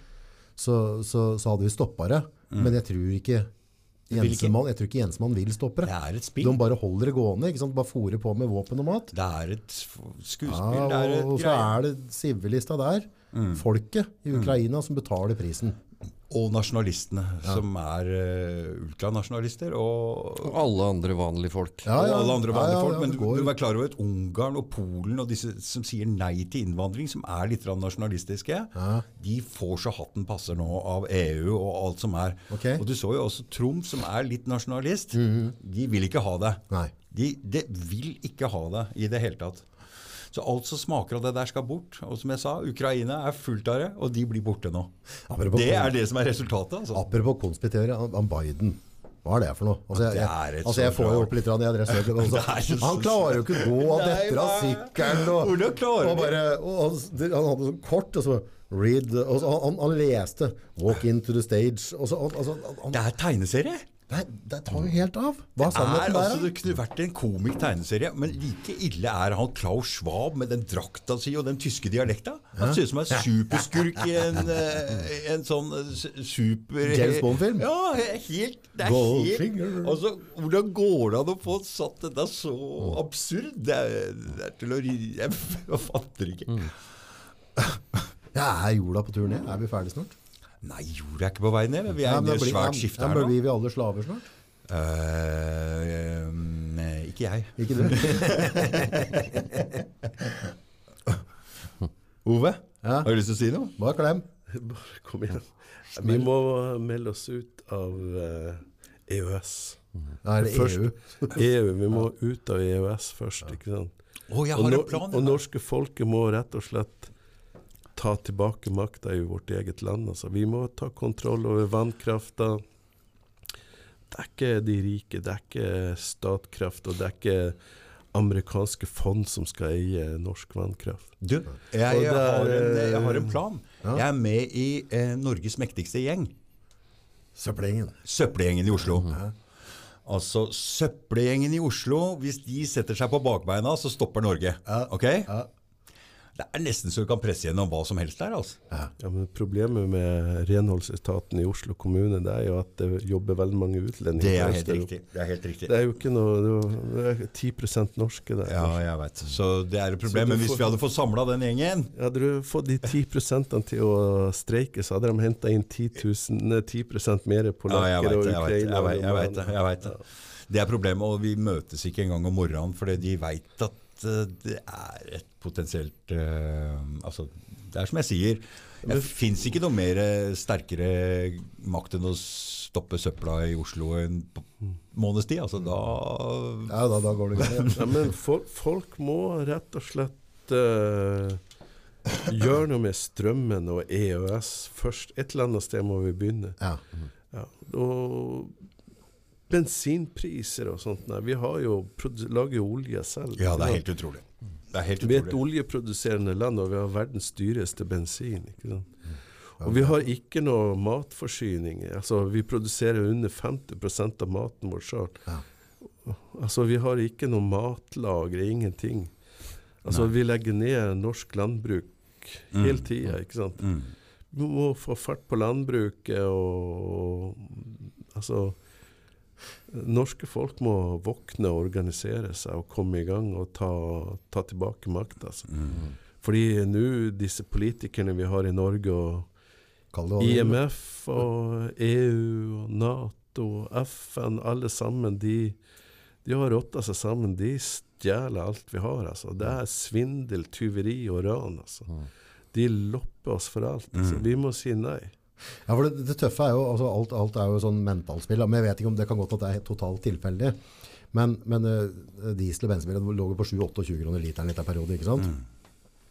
Og så var det ned på Ni- 1980. Det er billig. Og så bare satt jeg i bilen. Oi, fy faen, nå er det billig diesel. Og så bare Ja, tenkte jeg ja, bare, ja, ja, hva er det du snakker om? Det er jo ikke billig det. Det skulle koste tieren.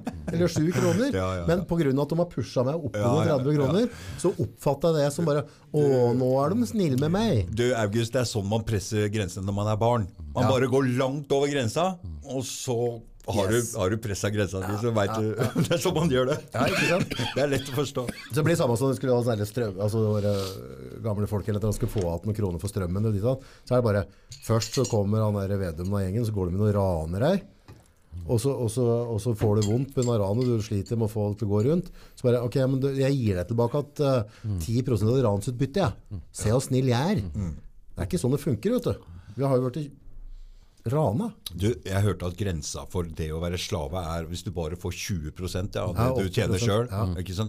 Og nå ligger det eh, her i Norge avgift, skattesystem og alt mulig. Jeg tror det ligger på 78. Ja, men det var før de skrudde opp bensin. og- Ja, og- og det var før det! Ja, det Ja, var ja, før ja, det. Så så- da er vi kanskje slaver, da. Så. Ja, for det var, det var en sånn der internasjonal definasjon der på det slavegreiene. Ja.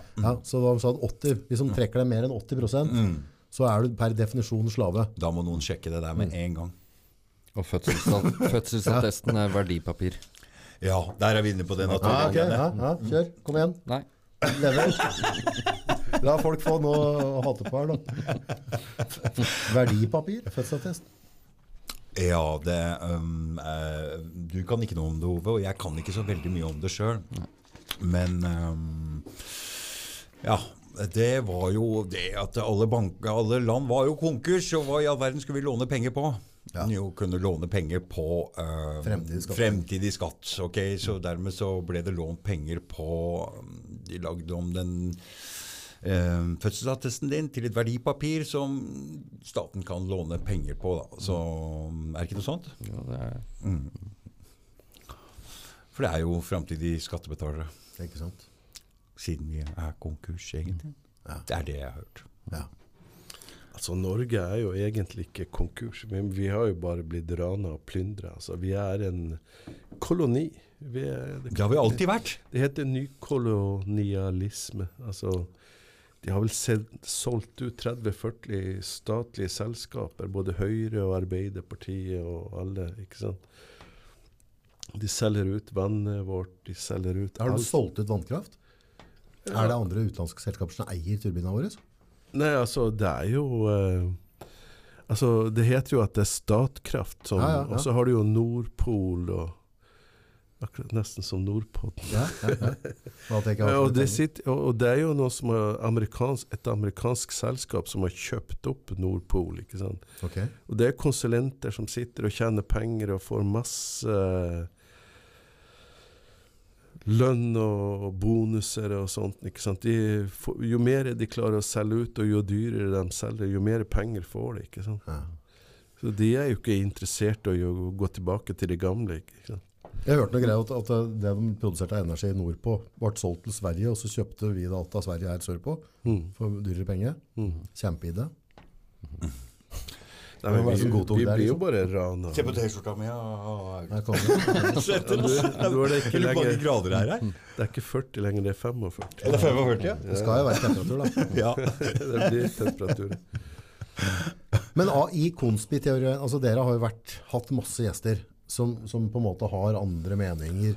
Det er ikke bare konspi. Altså, Nei, men det, det er jo det som er fett. Da, at dere, har, dere har tatt i mange ting som, som ikke andre tar i. Hva er det som er det heiteste av det heite nå? Det er det naturrettgreiene, men jeg klarer ikke å forklare det ordentlig, for jeg kan det ikke ordentlig sjøl. Så du må nesten ha inn en spesialist Hva er det er sånn bruddstykker, da? Sånn Hovedpoenget. Det er vel eh, noe i forhold til hva At man er et, eh, en juridisk person da, istedenfor et levende menneske. Og så eies den juridiske personen av eh, noen. Ja. Eh, og så er det en forledning eh, ved bruk av språk som er tvetydig. ja. Eh, altså Hvis du går inn på noe som heter legalese, da, som er det, som, det juridiske språket som de snakker, Ja. som man forledes til å tro betyr en ting, og så eh, gir man sine samtykke ved handlinger eller eh, ved svar, eh, så man ikke er helt klar over hva man driver med. Da. Mm. Fordi de har egentlig ingen makt over oss. Derfor har de lagd en juridisk person. Og så er det deg som er det frie mennesket. Og vi er jo født fri på denne planeten. ikke sant? Utgangspunktet, ja. I, utgangspunktet, ikke sant? Og det vet de også. Derfor så har de lagd en juridisk person som du tror er deg. Og som du hele tida, når du svarer og gjør alle de tinga som du forventes av deg, så er det på en måte konsent, eller du, du, du er med på Ja. spillet, og du tror at den personen er deg, men så er det egentlig ikke deg. Mm. Den levende personen deg, de har egentlig ikke den makten som du tror, for det, vi er lagd inn i et system som vi hele tida Jeg tror ikke vi helt skjønner eh, hvor, hvor, hvor, hvor fengsel vi egentlig hvor, Skal ja, det, det er være, helt skal det altså, være sånn? Skal det være sånn at, altså, altså, hvis ikke sender ungene dine på skolen, så kommer barnevernet og henter dem. Mm. Altså, altså, hvis, ikke følger, altså, hvis ikke følger opp, altså, hvis jeg har lyst til å produsere poteter og selge til dere, så er jeg avhengig av å ha godkjenninger. Mm. Også, altså, nå må du til og med være utdannet for å få lov til å, å dyrke mat på jordet, og så, og så må jeg betale skatt ut av det. Ellers så kan de arrestere meg. Så, Mm. Det- det- så hvor, fri, det- hvor fri er vi da? Hvis jeg ikke, skjønner noe med det, men når du produserer noe, så har du en bedrift. ikke sant? Og da må du sette deg inn i regler. Men som jeg som privatperson er jeg nødt til å lese alle lover og regler for å ikke bli dømt for det. Er det, er det skal jeg sette meg inn i som Ja, jeg vet jo, jeg vet jo ikke skulle vekk fra det med byttehandel.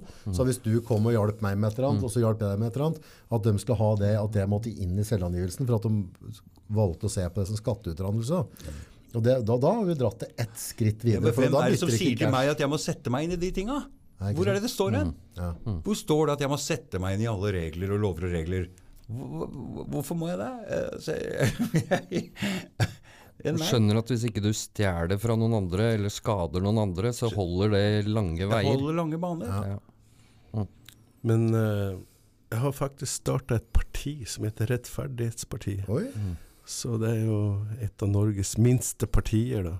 Men vi har faktisk stilt til valg fire ganger før, da. hvor mange medlemmer har du? Nei, det vet jeg ikke. Det er, for, for vi eh, Vi har ikke noen bankkonto, så vi har ikke fått noen betalende medlemmer. og sånt. nei. Men det er jo masse folk som er med. Og vi har jo stilt til valg fire Hvor mange medlemmer må du ha for at det skal skje en forskjell? da? Hvor mange, altså hvis, hvis det er altså, flere det, som er, det som er viktig, da, bare å si For meg å si det at, at det vi vil i i eh, Rettferdighetspartiet, det er jo mer rettferdig fordeling av godene. Og eh, vi må ut av EØS. Vi må slutte å selge ut landet vårt. Vi må begynne å ta vare på landet vårt, beskytte landet. Vi skal ha billig strøm, eh, billigere bensin. Vi må ha matlagre. Altså, jeg sier akkurat de samme smarte tingene som Vedum har sagt, som han ikke klarte å holde. ikke sant? Altså sånn, ja, og jeg regner med at hvis jeg skulle fått makt, så, så ville jeg blitt stoppa like mye av Vedum som av Men det handler ikke om meg, da. Det handler om det norske folket som faktisk må våkne og begynne å organisere seg. Mm. Og på internett så er det bare å gå på www.rettferdighetspartiet.no og lese om våre saker. Da. Mm. Må gjerne komme med innspill og sånt. Da. Men vi er ikke perfekte. Vi, er, vi har en vei å gå, vi også. Mye læring og, og sånt. Altså folk eh, Men en annen side av på en måte rettferdig fordeling osv. Og, så- også, og, og økonomi, da. At ting blir dyrere. Men har, har vi kommet til et punkt der vi egentlig har litt for mye?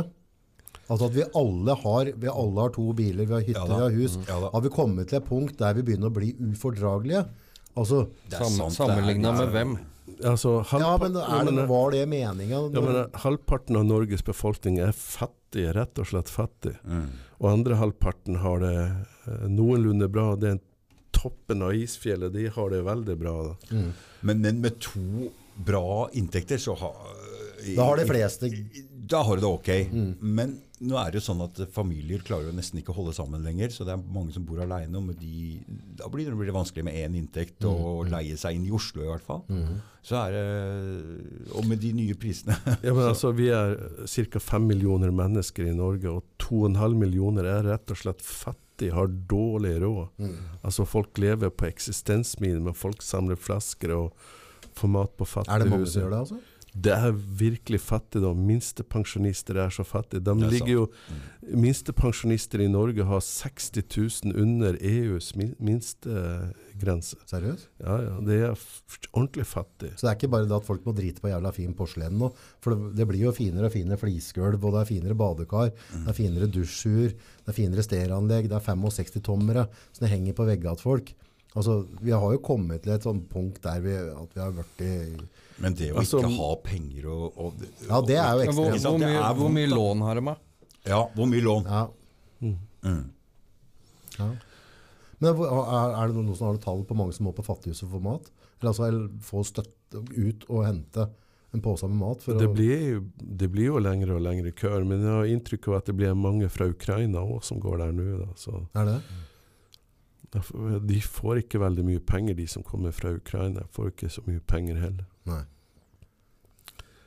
Jeg pratet med en som skal inn i podd der, som, som har flytta til Ukraina fra Norge og har kone derfra. Oh, ja. mm. og, dere, og, og Erik Helleplassen hadde kjørt flyktninger over og, og mat ned og så videre. Mm. Eh, så han sier jeg er jo på en måte flyktning i eget land nå. Sånn Mm. at, mm. hvis folk tror at det er lukrativt å være flyktning i Norge, så bommer de helt sånn. Mm. For det der får du ikke mye, du får ikke mye hjelp. Så, så han opplevde det nå. på en måte Han har flytta egentlig ut dit og skulle ha seg et hus der. Og lage en liten restaurant og noe greier. Og så flytte tilbake til Norge nå, da. Eh, så det blir artig. Han vil ikke bo i Ukraina lenger nå? Nei, altså han har jo kjørt folk ut, eh, gudene vet. Altså han har hatt en sånn sprinter og, Mm. og kjørt ut flyktninger. Mm. Og tatt med seg mat og medisiner inn igjen. Mm. Eh, gjort en kjempeinnsats der. Men, eh, men eh, nei, det var, det var ikke bare bare å komme tilbake til Norge. Men de rikeste i Norge får jo bare betale mindre og mindre skatt. De får skattelette i 10 milliarder-klassen hvert år. Ja, Er det et faktum? Ja, ja. Ja. Og det, det har de fått nå de siste åtte årene under Erna Solberg. har de fått veldig mye skattelett. Ja. Eh, kanskje hun opp, ja, Jeg har ikke tall på det, jeg er ikke helt sikker på, men vi kanskje snakker om 100 milliarder i løpet av åtte år eller ti år, eller noe sånt. Men samtidig, jeg har ikke så vondt av de rike, egentlig. Som bedriftseier og sånne ting. For de, de er jo med å skape mye. og, og De har nok nå, så de klarer seg. Men samtidig så veldig mange de sylter jo ikke ned. De, de putter og investerer videre og skaper arbeidsplasser. Men det jeg kanskje har mer problem med, er jo på en måte da vår egen stat eh, tømmer kassa vår ut i Altså, Se på han Jens da, som sitter i Nato nå. Kjenner ikke han, og ikke kjenner jeg biografien hans selv. Men, men jeg, jeg, sånn der, igjen, bare ut av ræva, så var ikke han et naturlig valg for å, å, å styre en, en, en krig. Eh, En, en, så hva, hva har vi i Norge betalt for at han Altså- kom seg i posisjon for å bli valgt inn der? Hva har vi vært med og bidratt på for at han Altså, fikk den jobben? Libya er jo veldig populært. Ja. Ja, ja. Libya, altså vi, Norge sendte jo 588 bomber over Libya. Det kosta så mange milliarder, den krigen mot Libya, Mm. å styrte Gaddafi. Vi er i krig akkurat nå. Vi var med på den krigen der. Ja, ja. Nå, ja Jens eh, Stoltenberg godkjente det, og Norge sendte ned jagerfly. Og vi, altså Ca. 10% av alle bomber som ble sluppet over Libya, var norske. Mye da, sa du? 10% Satan. nå, Akkurat nå så er vi jo i krig. I, Norge er i krig med Syria. Da. Vi har vel betalt mellom 17 og 20 milliarder bare for å krige mot Syria. Det plager meg mer enn skattepenger til riket. Ja, ja, si det altså sånn. det er jo eh, Vi har kriger i Afghanistan, Syria Irak, Libya Altså, vi er med i, i, i mer eller mindre grad så støtter vi alt det der, ikke sant? men jeg tenker at vi, Norge som nasjon, folket, mennesket, legemet, hjertet vårt, sjela vår, i det vi finner ut at nå skal vi være med inn og drepe andre mennesker, Men vi vil jo så- ikke, vi ikke snakke til oss da, om dette. da bør det på pokker være det, det, det er sånn som krever en, en avstemning, på samme måte som takka nei til EU. Men selv om vi ble lurt inn i EØS etterpå. Men i utgangspunktet så skal det ikke være sånn at, at det skal være en gruppe mennesker som finner at nei, nå går vi til, går vi til krig til et annet land. Og så, og så prater vi ikke om det. Altså, Ikke det, det skulle vært avstemning. De fleste folk i Norge veit ikke at vi har vært i krig engang. ok? Og du får jo melding på alltid med en gang du har skatteoppgjøret ditt. Mm. Så de kunne ha fått til det på telefon. Nå skulle vi brukt en, en bankkode. Og så vi gått inn og gitt en Og det, jeg tror ikke det er så jævlig mange som er så kåte på friskt blod Du- i Norge. du- du, har lyst til å være med og vi, krige. Altså. vi gir jo bort 41 milliarder hvert år i uhjelp. Ja. Og det er fint lite av det som blir brukt som nødhjelp. Vi låner bort penger til fattige land i Afrika. Hvis de ikke klarer å betale tilbake, så tar vi jo naturressursene. Vi påvirker Har Norge vært med på det òg? Vi gir jo bort 41 milliarder som lån, f.eks. Ja, men jeg driver utvinner ting i afrikanske land? Altså, vi er over hele verden. Vi gir nød, altså, låner bort penger og gir bort penger. Ja, men Graver vi opp naturressurser til andre? Ja, det gjør vi vel. Altså, det, altså, det de pengene kanaliseres via FN og, Ja, og EU og Nato og alle disse organisasjonene. Norge gir penger, og de, de låner bort pengene. IMF f.eks. støtter fattige land. Vi, vi gir bort en, eh, en milliard i året til Polen. Og Polen har større økonomi enn Norge, f.eks. Okay. Men det er for å påvirke Altså, vi påvirker verden med å gi bort penger i uhjelp. ikke sant? De pengene kunne vært brukt på pensjonister i Norge, på vanlige folk, på næringsliv. Altså, vi, vi vil jo ikke være med en del av en krig som ikke er Vi altså, kunne bygd jernbaner eh, opp til Kirkenes, og bygd tunneler og havner og flyplasser, og latt pensjonister få en anstendig lønn, uføretrygda, utdanning, sykehus Altså, det er ingen grunn til at uh, vi skal selge Norge på billigsalg, for vi har nok penger, men de bare gir bort pengene. Altså, hun eh, i Høyre, hun eh, Hva heter hun? Solberg. Hun ga jo bort penger i øst og vest. Var det et eller annet prosjekt ute i verden, så bare Ja, masse penger der. 10 milliarder, 100 milliarder. Nei, 10 millioner, 100 millioner. Bare boff, boff, boff. De bare gir bort. Det er jo norske folket sine penger. ja. Vi skal ikke bruke de pengene til å manipulere verden eller støtte FN og Nato og EU og USA og det her. Men er det Jeg har sånn oppfatning at, at uh, blant dem som på en måte regjeringa vår, selv om- altså Stortinget, dem som styrer, at det har blitt en slags ukultur. Så nå, nå har vi kommet til det punktet at samme hvem jeg bruker stemmeseddelen min på, så blir det akkurat samme kaka uansett. likt. Det hjelper ikke hvem Høyre og venstre vinge er en del av samme fugl. Det er helt likt. Det. Ja, ikke, ja.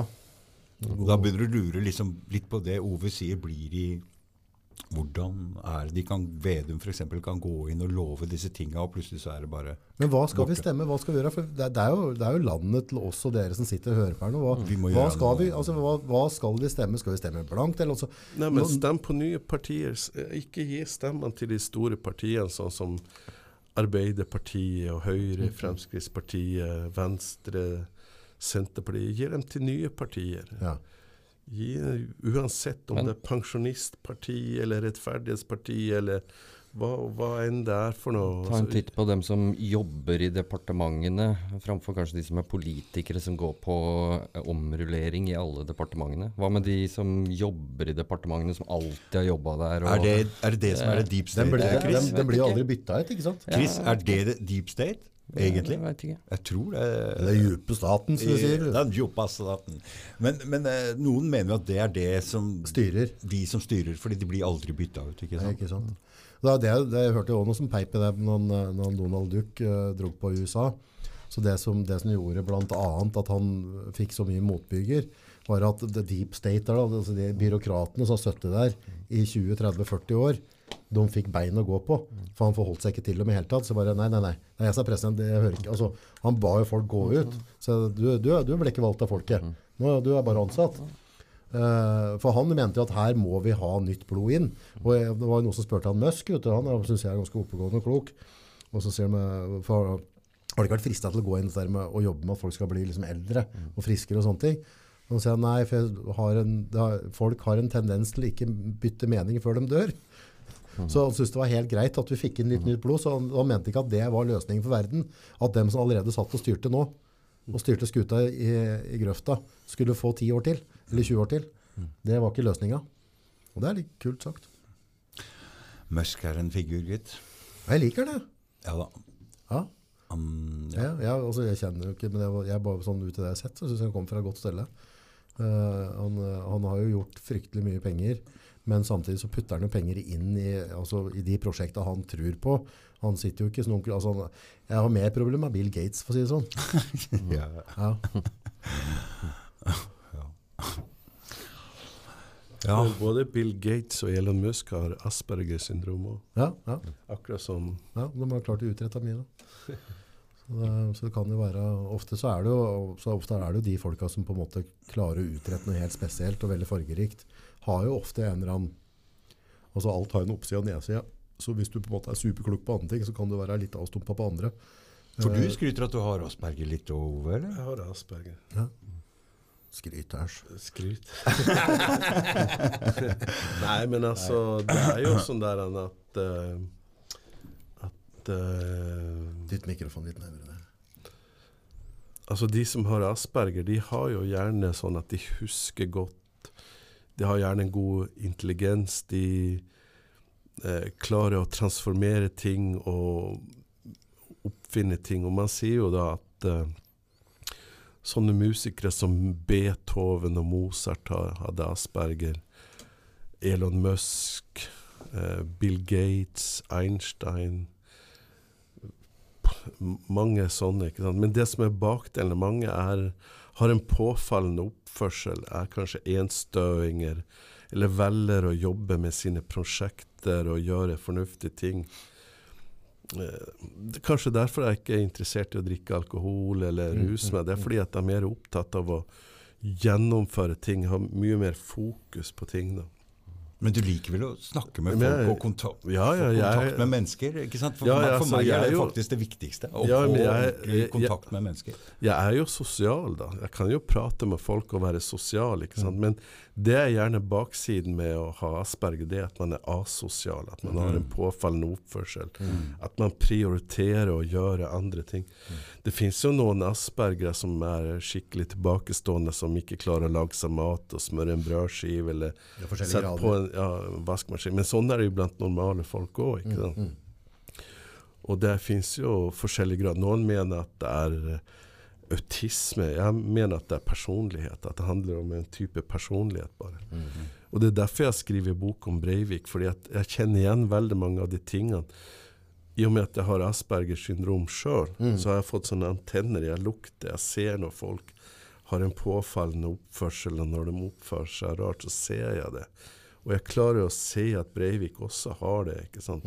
For det er mange, han har en påfallende oppførsel, han oppfører seg veldig rart. Da.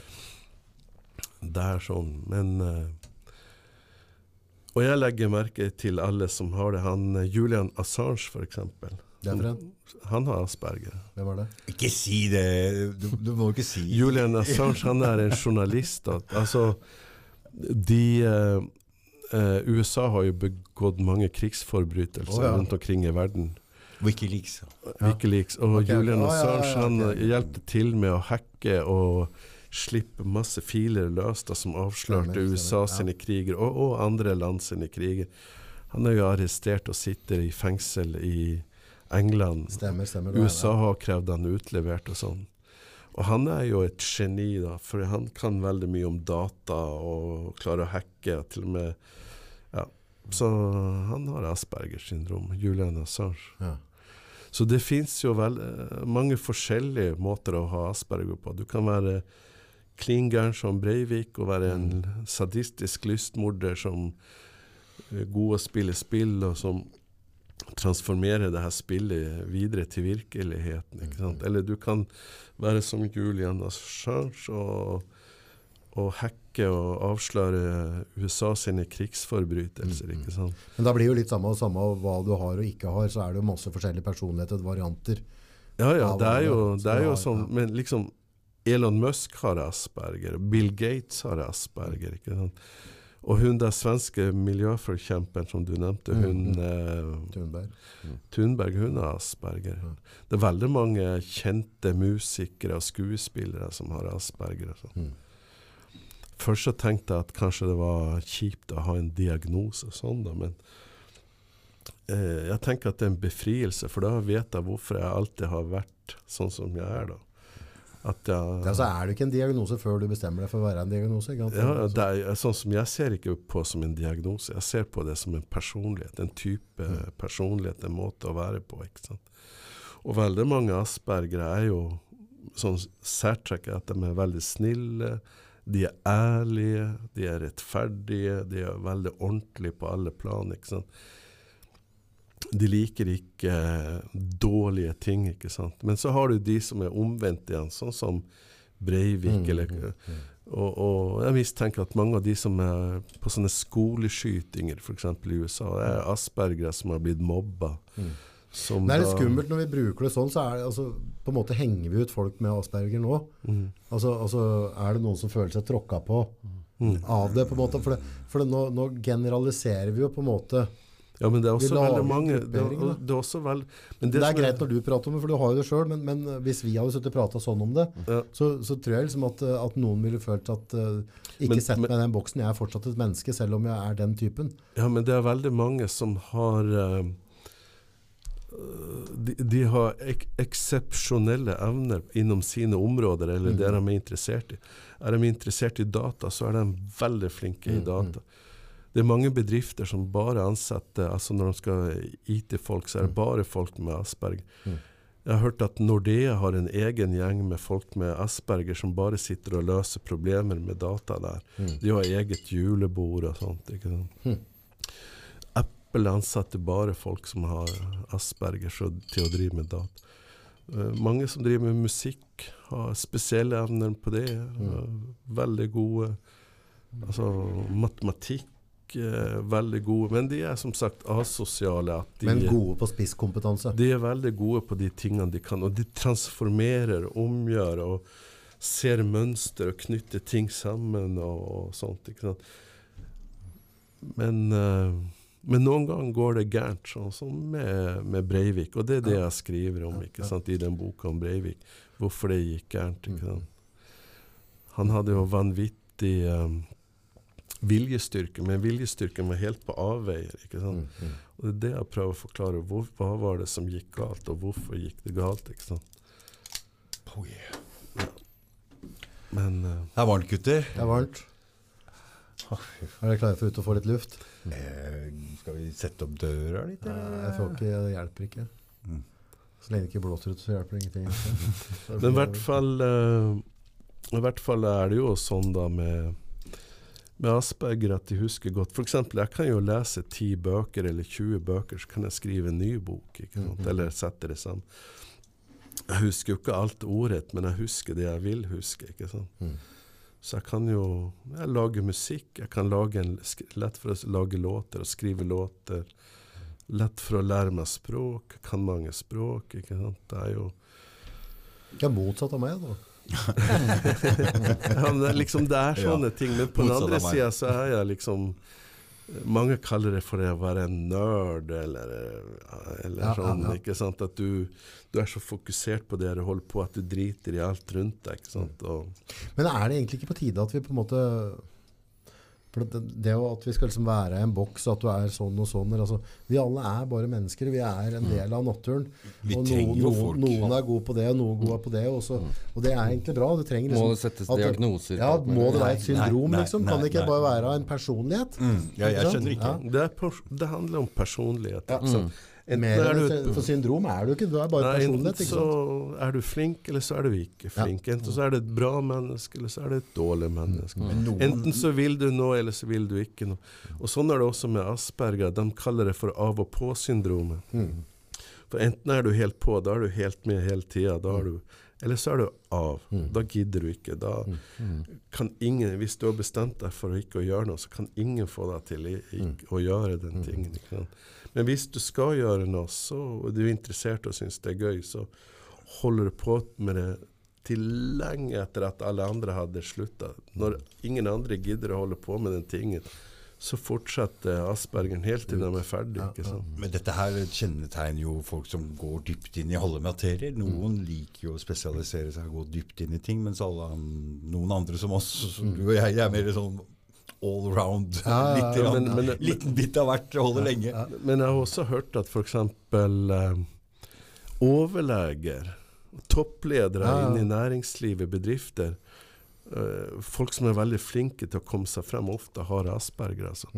Psykiatere, Ja, ja, ja. og- altså toppledere og, Altså folk som er veldig flinke, da, eh, har gjerne asperger. på sånn. Så det, er, han, det er derfor jeg sier han skryter av at han har Asperger. Jeg, jeg har jo sagt, jeg har sagt til han også at jeg, jeg tror at han har litt Ah, Asperger. prøv å si det. Ja, ja, men, jeg, ja, men jeg sa, Det var en av de første tingene jeg sa til ham, for du husker okay. jeg godt og kan mye. ikke sant? Han, han ser mønstre og Hmm. stiller spørsmål. og altså Den måten å være på, det er en slags Asperger-personlighet.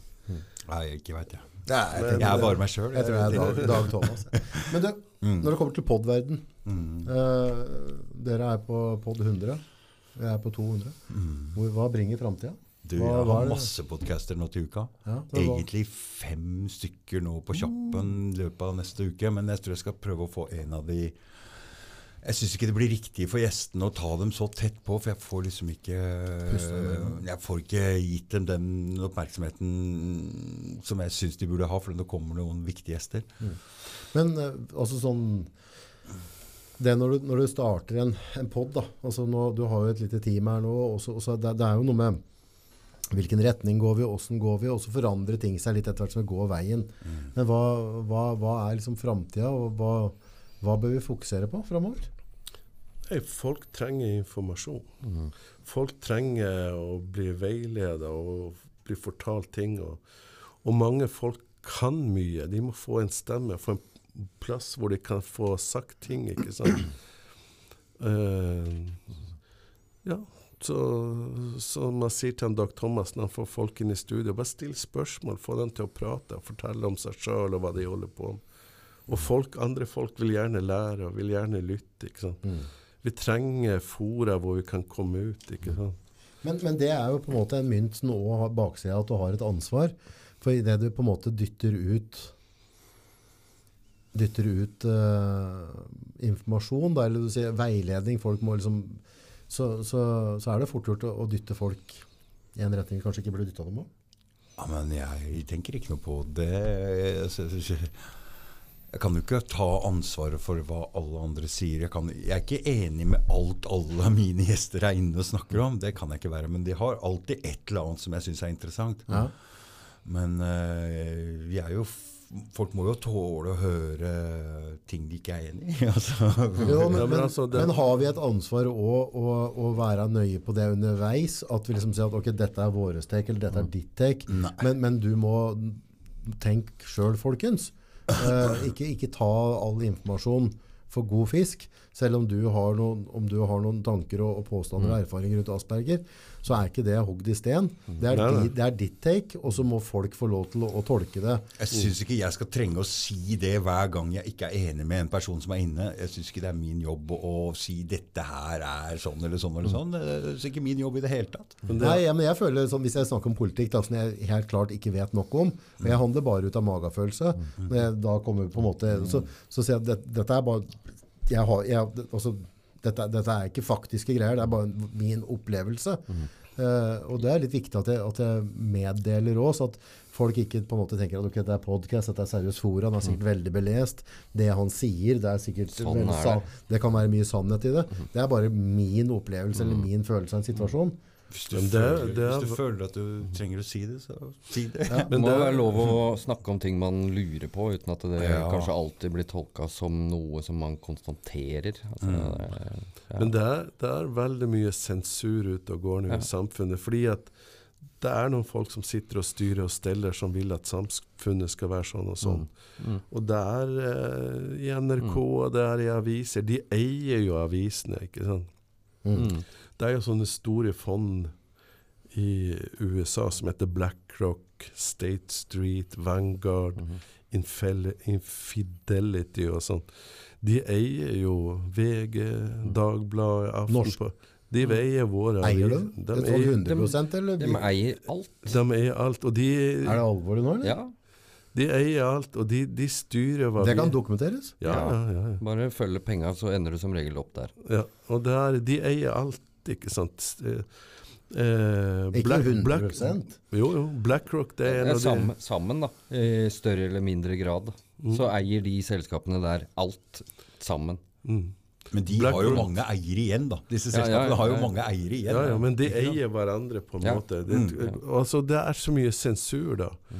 Og hva heter det her, denne faktasjekkerne, ikke sant? Herregud. Som da uh, fakt, fakta.no, eller hva det Faktisk. heter. Faktisk.no. De er jo også Eid. eid av de samme avisene som, som er eid av amerikanske fond. ikke sant? Så derfor trengs det jo en pod hvor folk kan få lov å komme og si meninga si. For det er veldig mye folk i Norge som kan veldig mye om sine spesifikke ting.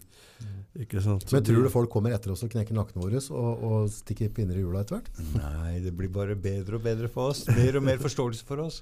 Ja. Ja, mer nei, og mer åpent samfunn blir. Det har forandra seg så mye Ja. siden jeg begynte. Det blir for mange. Det blir for mange etter Det har forandra seg så mye siden jeg begynte. Når jeg begynte å prate om det med covid. Det var så hot. Det var så det er Helt annerledes nå. Ja. Altså, de kan ikke De kan ikke Altså, det går en grense for hvor mye de kan kontrollere folk. Og hvis folk blir plaga lenge nok, så finner de nye kanaler, er andre måter å gå på. De begynner å kjempe for frigjøring, rettferdighet. Altså sånne ting. da. Men de styrer jo politiske partiene òg, ikke sant. Det er jo de styrer kommunisme, sosialisme, sosialdemokrati, kapitalisme. De styrer alt. ikke sant? De styrer media. De har full kontroll på folk. Men folk Kjøper det. Men hør, Ja, ja, hva- hør hva Ove sier. Han Ja, men det sier de. Han sier de. Ja, men altså, det er det, altså Store deler av befolkningen går jo på det her. ikke sant? Men de som sitter og hører på den podden til Jan Thomas, de går sine egne veier og lager sine egne ting. ikke sant? Og, og jeg har ikke godta Skal godta den Jon Thomas der ute. sier ja, ja, Nei, Jan Thomas. ja, ja, ja, men ikke sant Dag at, Thomas. Ja, men ikke sant at Jeg har ikke tenkt å være noen sånn der lederfigur eller noe sånt der. ikke sant? Jeg har aldri hatt noe ønske om å få makt eller å være en leder eller noe sånt. Men jeg kan være en del av det og støtte det og gjøre så godt jeg kan. Jeg kan være med på det han driver med òg, ikke sant. Og det han driver med. Ja, for det er jo noe jeg også, uh, har tenkt på aktivt som forhold til med, med, med den uh, Nordpodden i hvert fall, da, den plattformen. Så jeg, jeg har ikke noe ønske om å liksom være en revolusjonist eller leder av noen ting, men jeg synes det er veldig kult å få lov til å være med og møte mennesker og dele ordet deres. Men jeg har ikke lyst til å være jeg skal ikke være noen frontfigur på verken den ene eller andre sida, egentlig. Jeg vil bare ete kjøttkaker. altså, folk, folk må stå sammen, altså. Mm. Altså, må ha fellesskap. Folk må stå sammen, og de Altså, det, det fins Ja, bare fortsett dere.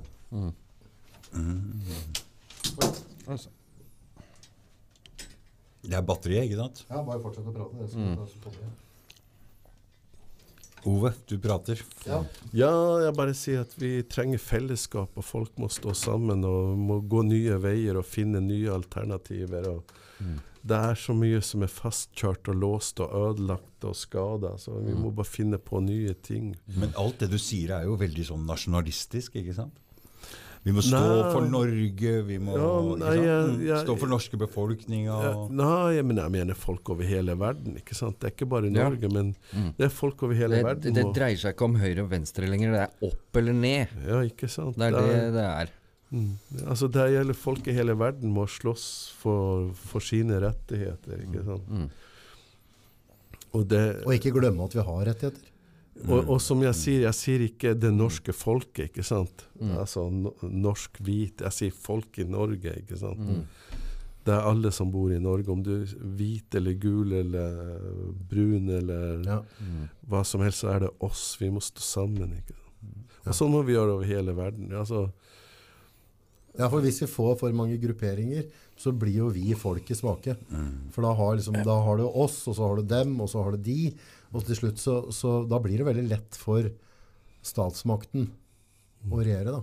Hvis vi ikke står sammen om noen ting. Ja, det er helt Splitt og hersk. ja. Skal vi Ja, skal... bare Begynne å tenke Er på du det- fornøyd? runde av. Ja, Ja, Jan Thomas. Jan? Thomas du, Ja, Thomas. Jon Thomas, da. Er du fornøyd? Fy faen, veit ikke hva jeg heter engang! Dag, Thomas. Herr Thomas. Jeg vet han heter Dag. Jeg sitter og mobber. Nei, Nei, du, men er dette du var for, uh, Thomas, er du fornøyd? Ja, jeg er kjempefornøyd. Jeg er kjempefornøyd. Er du fornøyd? Runda 100 podder, det er kult. Ja, det er, Er det um, litt der må være kryss i taket? Ja.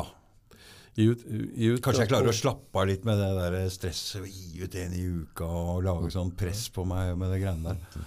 Dro ned lite grann nå. Det, det har ikke alltid vært like Det har vært litt press òg, Ja. syns jeg. Jeg lagde lagd det på meg sjøl, men Ja, ja. I utgangspunktet så tenkte jeg at jeg kan jo ikke være med på det, der, for jeg er altfor kontroversiell. Jeg har Nei, altfor sterke meninger. Men nå har jeg fått det ut. Altså, nå er det komme et skritt videre. Jeg Syns ingen av meningene dine var noe ekstreme. Det er, no, det er ting, ting jeg ikke på en måte øh, spiser og fordøyer fortløpende, men, altså, men jeg syns det er interessant altså når vi prater på den store stat og denne greia. Altså, uh, men jeg skjønner jo at det er mer mellom himmel og jord enn av hva jeg skjønner. Uh, og hvis jeg ikke på en måte lytter til nettopp sånne som deg og dem som har andre tanker, så kommer jeg ingen stand. ikke sant? Så nei, jeg tror det er bare å fortsette, og så, og så jeg, er i hvert fall ganske sånn Jeg, jeg, jeg er veldig sånn Å, jeg, jeg er interessert om dagen. Jeg har to-tre uker pause, da. ja. Så jeg har noen kule gjester på gang nå, tror jeg. Så jeg tror det er viktig å bare passe på at den koser seg med podden underveis. Mm. som du prater på det, det presset du får innimellom, og det har jeg følt litt på sjøl òg. Og det er ofte sånn hvis jeg legger godt an på listene, sånn som på Spotify og sånn, så lager jeg som press Nå må jeg ut med flere podder, nå må jeg dukke ja. på. Hva blir kvaliteten da? Ja, ja og så er slutter riktig, jeg å kose meg, ikke sant? Hva blir kvaliteten ja, hvis du bare skal gi ut masse podcaster? Nei, så man må, må kose seg mer, ja. Men man må passe seg litt da, tror jeg. Fordi at altså de som styrer verden, de styrer jo også med at de lager masse fake konspirasjonsteorier. Som de planter fordi at folk skal Virke ko-ko. Ja.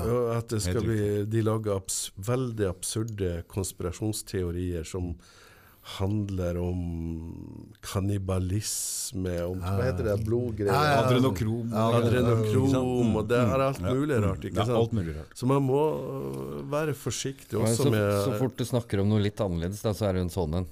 Ja, Ja, for så- du havner i samme båten. Ikke? Hvis, Ja. du stiller, hvis du stiller spørsmål ved pengebruken til regjeringa, så bare Å ja, du tror at de drikker blod, ja?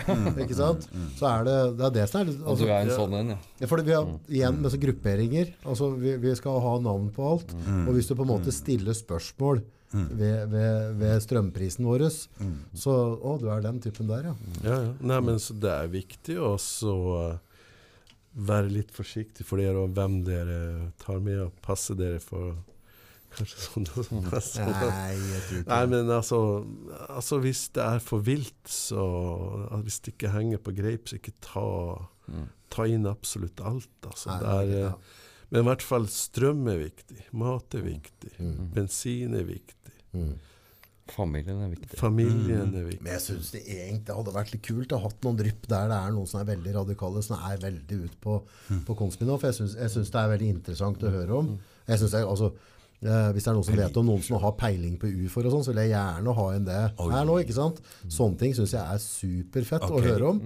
Så, så, og og altså, det plager meg ikke i det hele tatt. Og så må folk bare enten Vet du hva folk maser på meg om nå? Nei. Chemtrails. Hele tida. Jeg tror jeg har hatt 20 stykker nå. Nå må du ha en podkast om chemtrails. Geoengineering. Ja.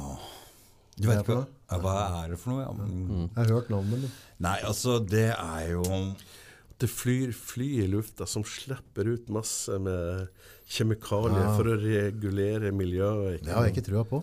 Og ikke nok med det, men de tror jo mange da at du blir forgifta. At det er rett og slett forgifter folk og sånn. Vi gjør det kanskje for å kjøle ned kloden, og så Det jeg er det der stoffet som de slipper ut, kanskje gift i, i tillegg. for Det kan jeg gå med på, men det er noen som drar den der veldig langt og Ja. tror at de rett og slett blir forgifta. Ja, men poenget da, da, da må du blande greiene i fuelen og ditt og datt, og så er det en sjåfør Ja, som skal ja, kjøre det fuelet ja, der de skal tanke det. ja. Da hadde det slått sprekker på seg, tenker jeg da, ikke sant? For at det blir hvite stripete fly, det, det er ikke noe nytt, ikke sant? Det er kondens. Og, og får du en kondens, så får du en sky, og en sky henger jo en viss tid før den blir borte, ikke sant? Så det trenger ikke å være synonymt med, med altså det kommer, ok, hvis du flyr lenger ned, så får du ikke samme samme stripa.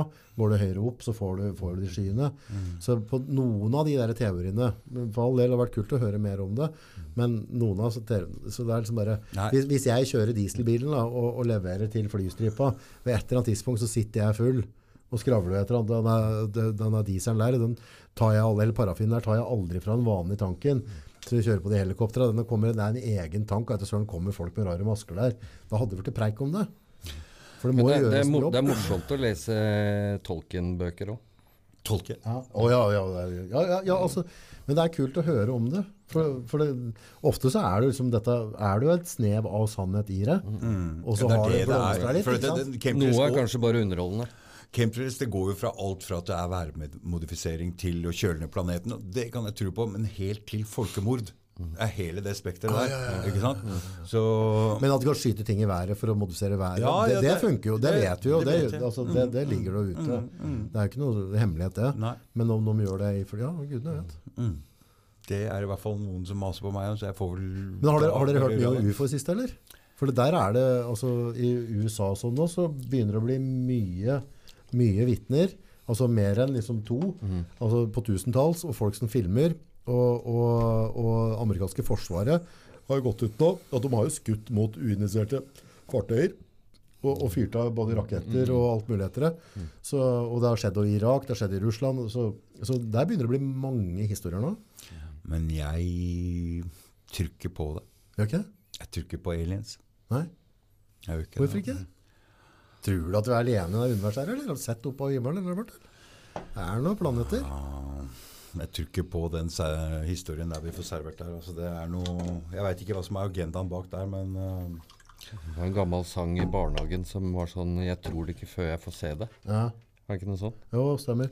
Men jeg bare tenker sånn universet med de planetene og solsystemene og det vi kan se med øya våre, hvis vi ligger i en stand det ikke er for mye lysforurensning.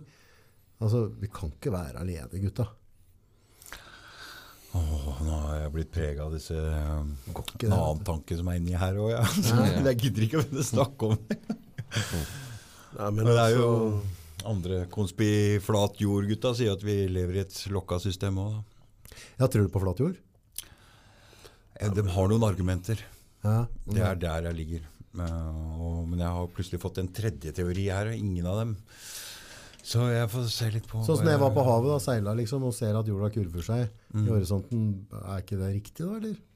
Altså, er, det, er det sånn der flat jord? Altså, når folk da seiler, og folk har jo seila noen år nå, uh, så liksom, kommer de til en vegg, og så må de snu og kjøre tilbake igjen, og så, bare, og så velger de å ikke si noe om det. nei, men altså Nå når det var den covid-greia, når folk sto utenfor Stortinget og protesterte og at de ville ha slippe opp og ha litt sånn friere ting, så kobla jo avisene til og sa at det her var nazister ikke sant, som deltok. Oi. og, og sånn forskjellige ting. Ja. Konspirasjonsteoretikere og nazister eller høyreekstreme. Høyreekstreme. ikke sant? Det var vanlige folk bare som ville ha f slippe opp eh, disse regimene. ikke sant? Men det er jo Jeg mener at det er en form for absurdisme. altså Hvis du sammenligner med Trumf da, jeg, jeg er ikke noen Trump-tilhenger sånn sett. Men Trumf han gikk ut og prata om Hadde sin politikk deep state. Han ville trekke amerikanske tropper tilbake fra Tyskland og Afghanistan og forskjellig. Han ville Han prata om the big guys og sånn forskjellig. Og så plutselig så dukka det opp et fenomen som heter QAnon. At det skulle være en etterretningsoffiser som hadde en sånn kode Q, en sånn sikkerhetskode, som skulle fortelle om masse hemmeligheter rundt. Og QAnon begynte å prate om eh, kannibalisme og pedofili Oh. og der blodgreiene. Hva? Ja. Ja, og, og, og, og så plutselig så var det noen som spilte de QAnon støtta Trumf. Og så var det noen som stilte, en, eh, stilte Trumf spørsmål Hva syns du om QAnon? Nei, jeg vet ingenting om QAnon, sa Trumf. Ja, hva syns du, de, eh, syns du om at de støtter deg? Nei, hvis de støtter meg, så syns jeg det er bra, sa Trumf. Og så når hver gang Trumf begynte å prate om, om politikk, hans politikk, så ble han knytta opp mot QAnon og alle de absurde tingene. Så alt det Trump sa, ble absurd. Ja. Han ble gjort absurd, ikke sant. Så folk over hele verden og i Norge begynte jo å le av Trump hver gang han åpna kjeften. Så begynte de å prate om pedofili og Men jeg merker Og- litt om le- ler av Biden, for der er det litt å le av. Veldig. ja. Så Jeg har ikke sett men én VG-historie der de sier er at Biden ikke klarte å det er ingen som gjør Biden absurd, ikke sant? men han er jo bare absurd. Ja, det er men, jo det. men, men, men liksom, det er jo eh, Altså, de gjør jo Alle motstandere av det systemet prøver de å få til å bli absurde nazister og høyreradikale og gud vet, ikke sant. Så, Men en annen ting som er litt fantastisk, er at, at amerikanere fikk velge mellom Biden og Trump. At de ikke klarte å, å dra opp et bedre alternativ for folket sitt, det er jo ganske så, um, Det er ganske fantastisk. Det kan, det kan godt hende at, at uh, andre land sier det, at ikke de klarte å ha noen andre velge mellom Erna og Støre. Kan godt hende at de sier det nå. Nei, altså de, det vet ikke, så- Biden, det var Nei, Biden er jo Ja, det er vilt. Nei, du. Tusen takk for pod uh, både 100 og 200, og takk Selina for å være tålmodig. Hun har fått kjørt seg. Sitter ei gjespe bak der, eller? Sitter og vifter med T-skjorta. Syns det er varmt her. Syns det er varmt? Det er veldig varmt. Se på t altså, Jeg er klissvåt. jeg. Det jeg kjenner bare renner. Det er perfekt. Skikkelig dårlig forberedt i dag. Jeg, også. Tusen takk. Dette setter jeg eh, veldig bra på, gutta. Tusen takk eh, for at du gadd å organisere Morsomt det her. gadd organisere det. skjedde jo på fly der. Men skal vi ta neste rundetall sammen nå, eller? Neste Rundetall? eh, Det kan vi vel, men det spørs om det blir likt, da. Ja, det, ja det, gudene vet.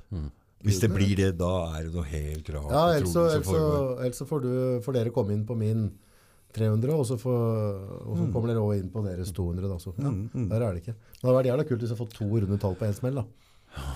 da blir jeg litt kult. Men blir det 100 til? Ja, ja, ja. ja, ja. Men hvor lang tid det tar, det vet jeg ikke. Det kommer litt an på.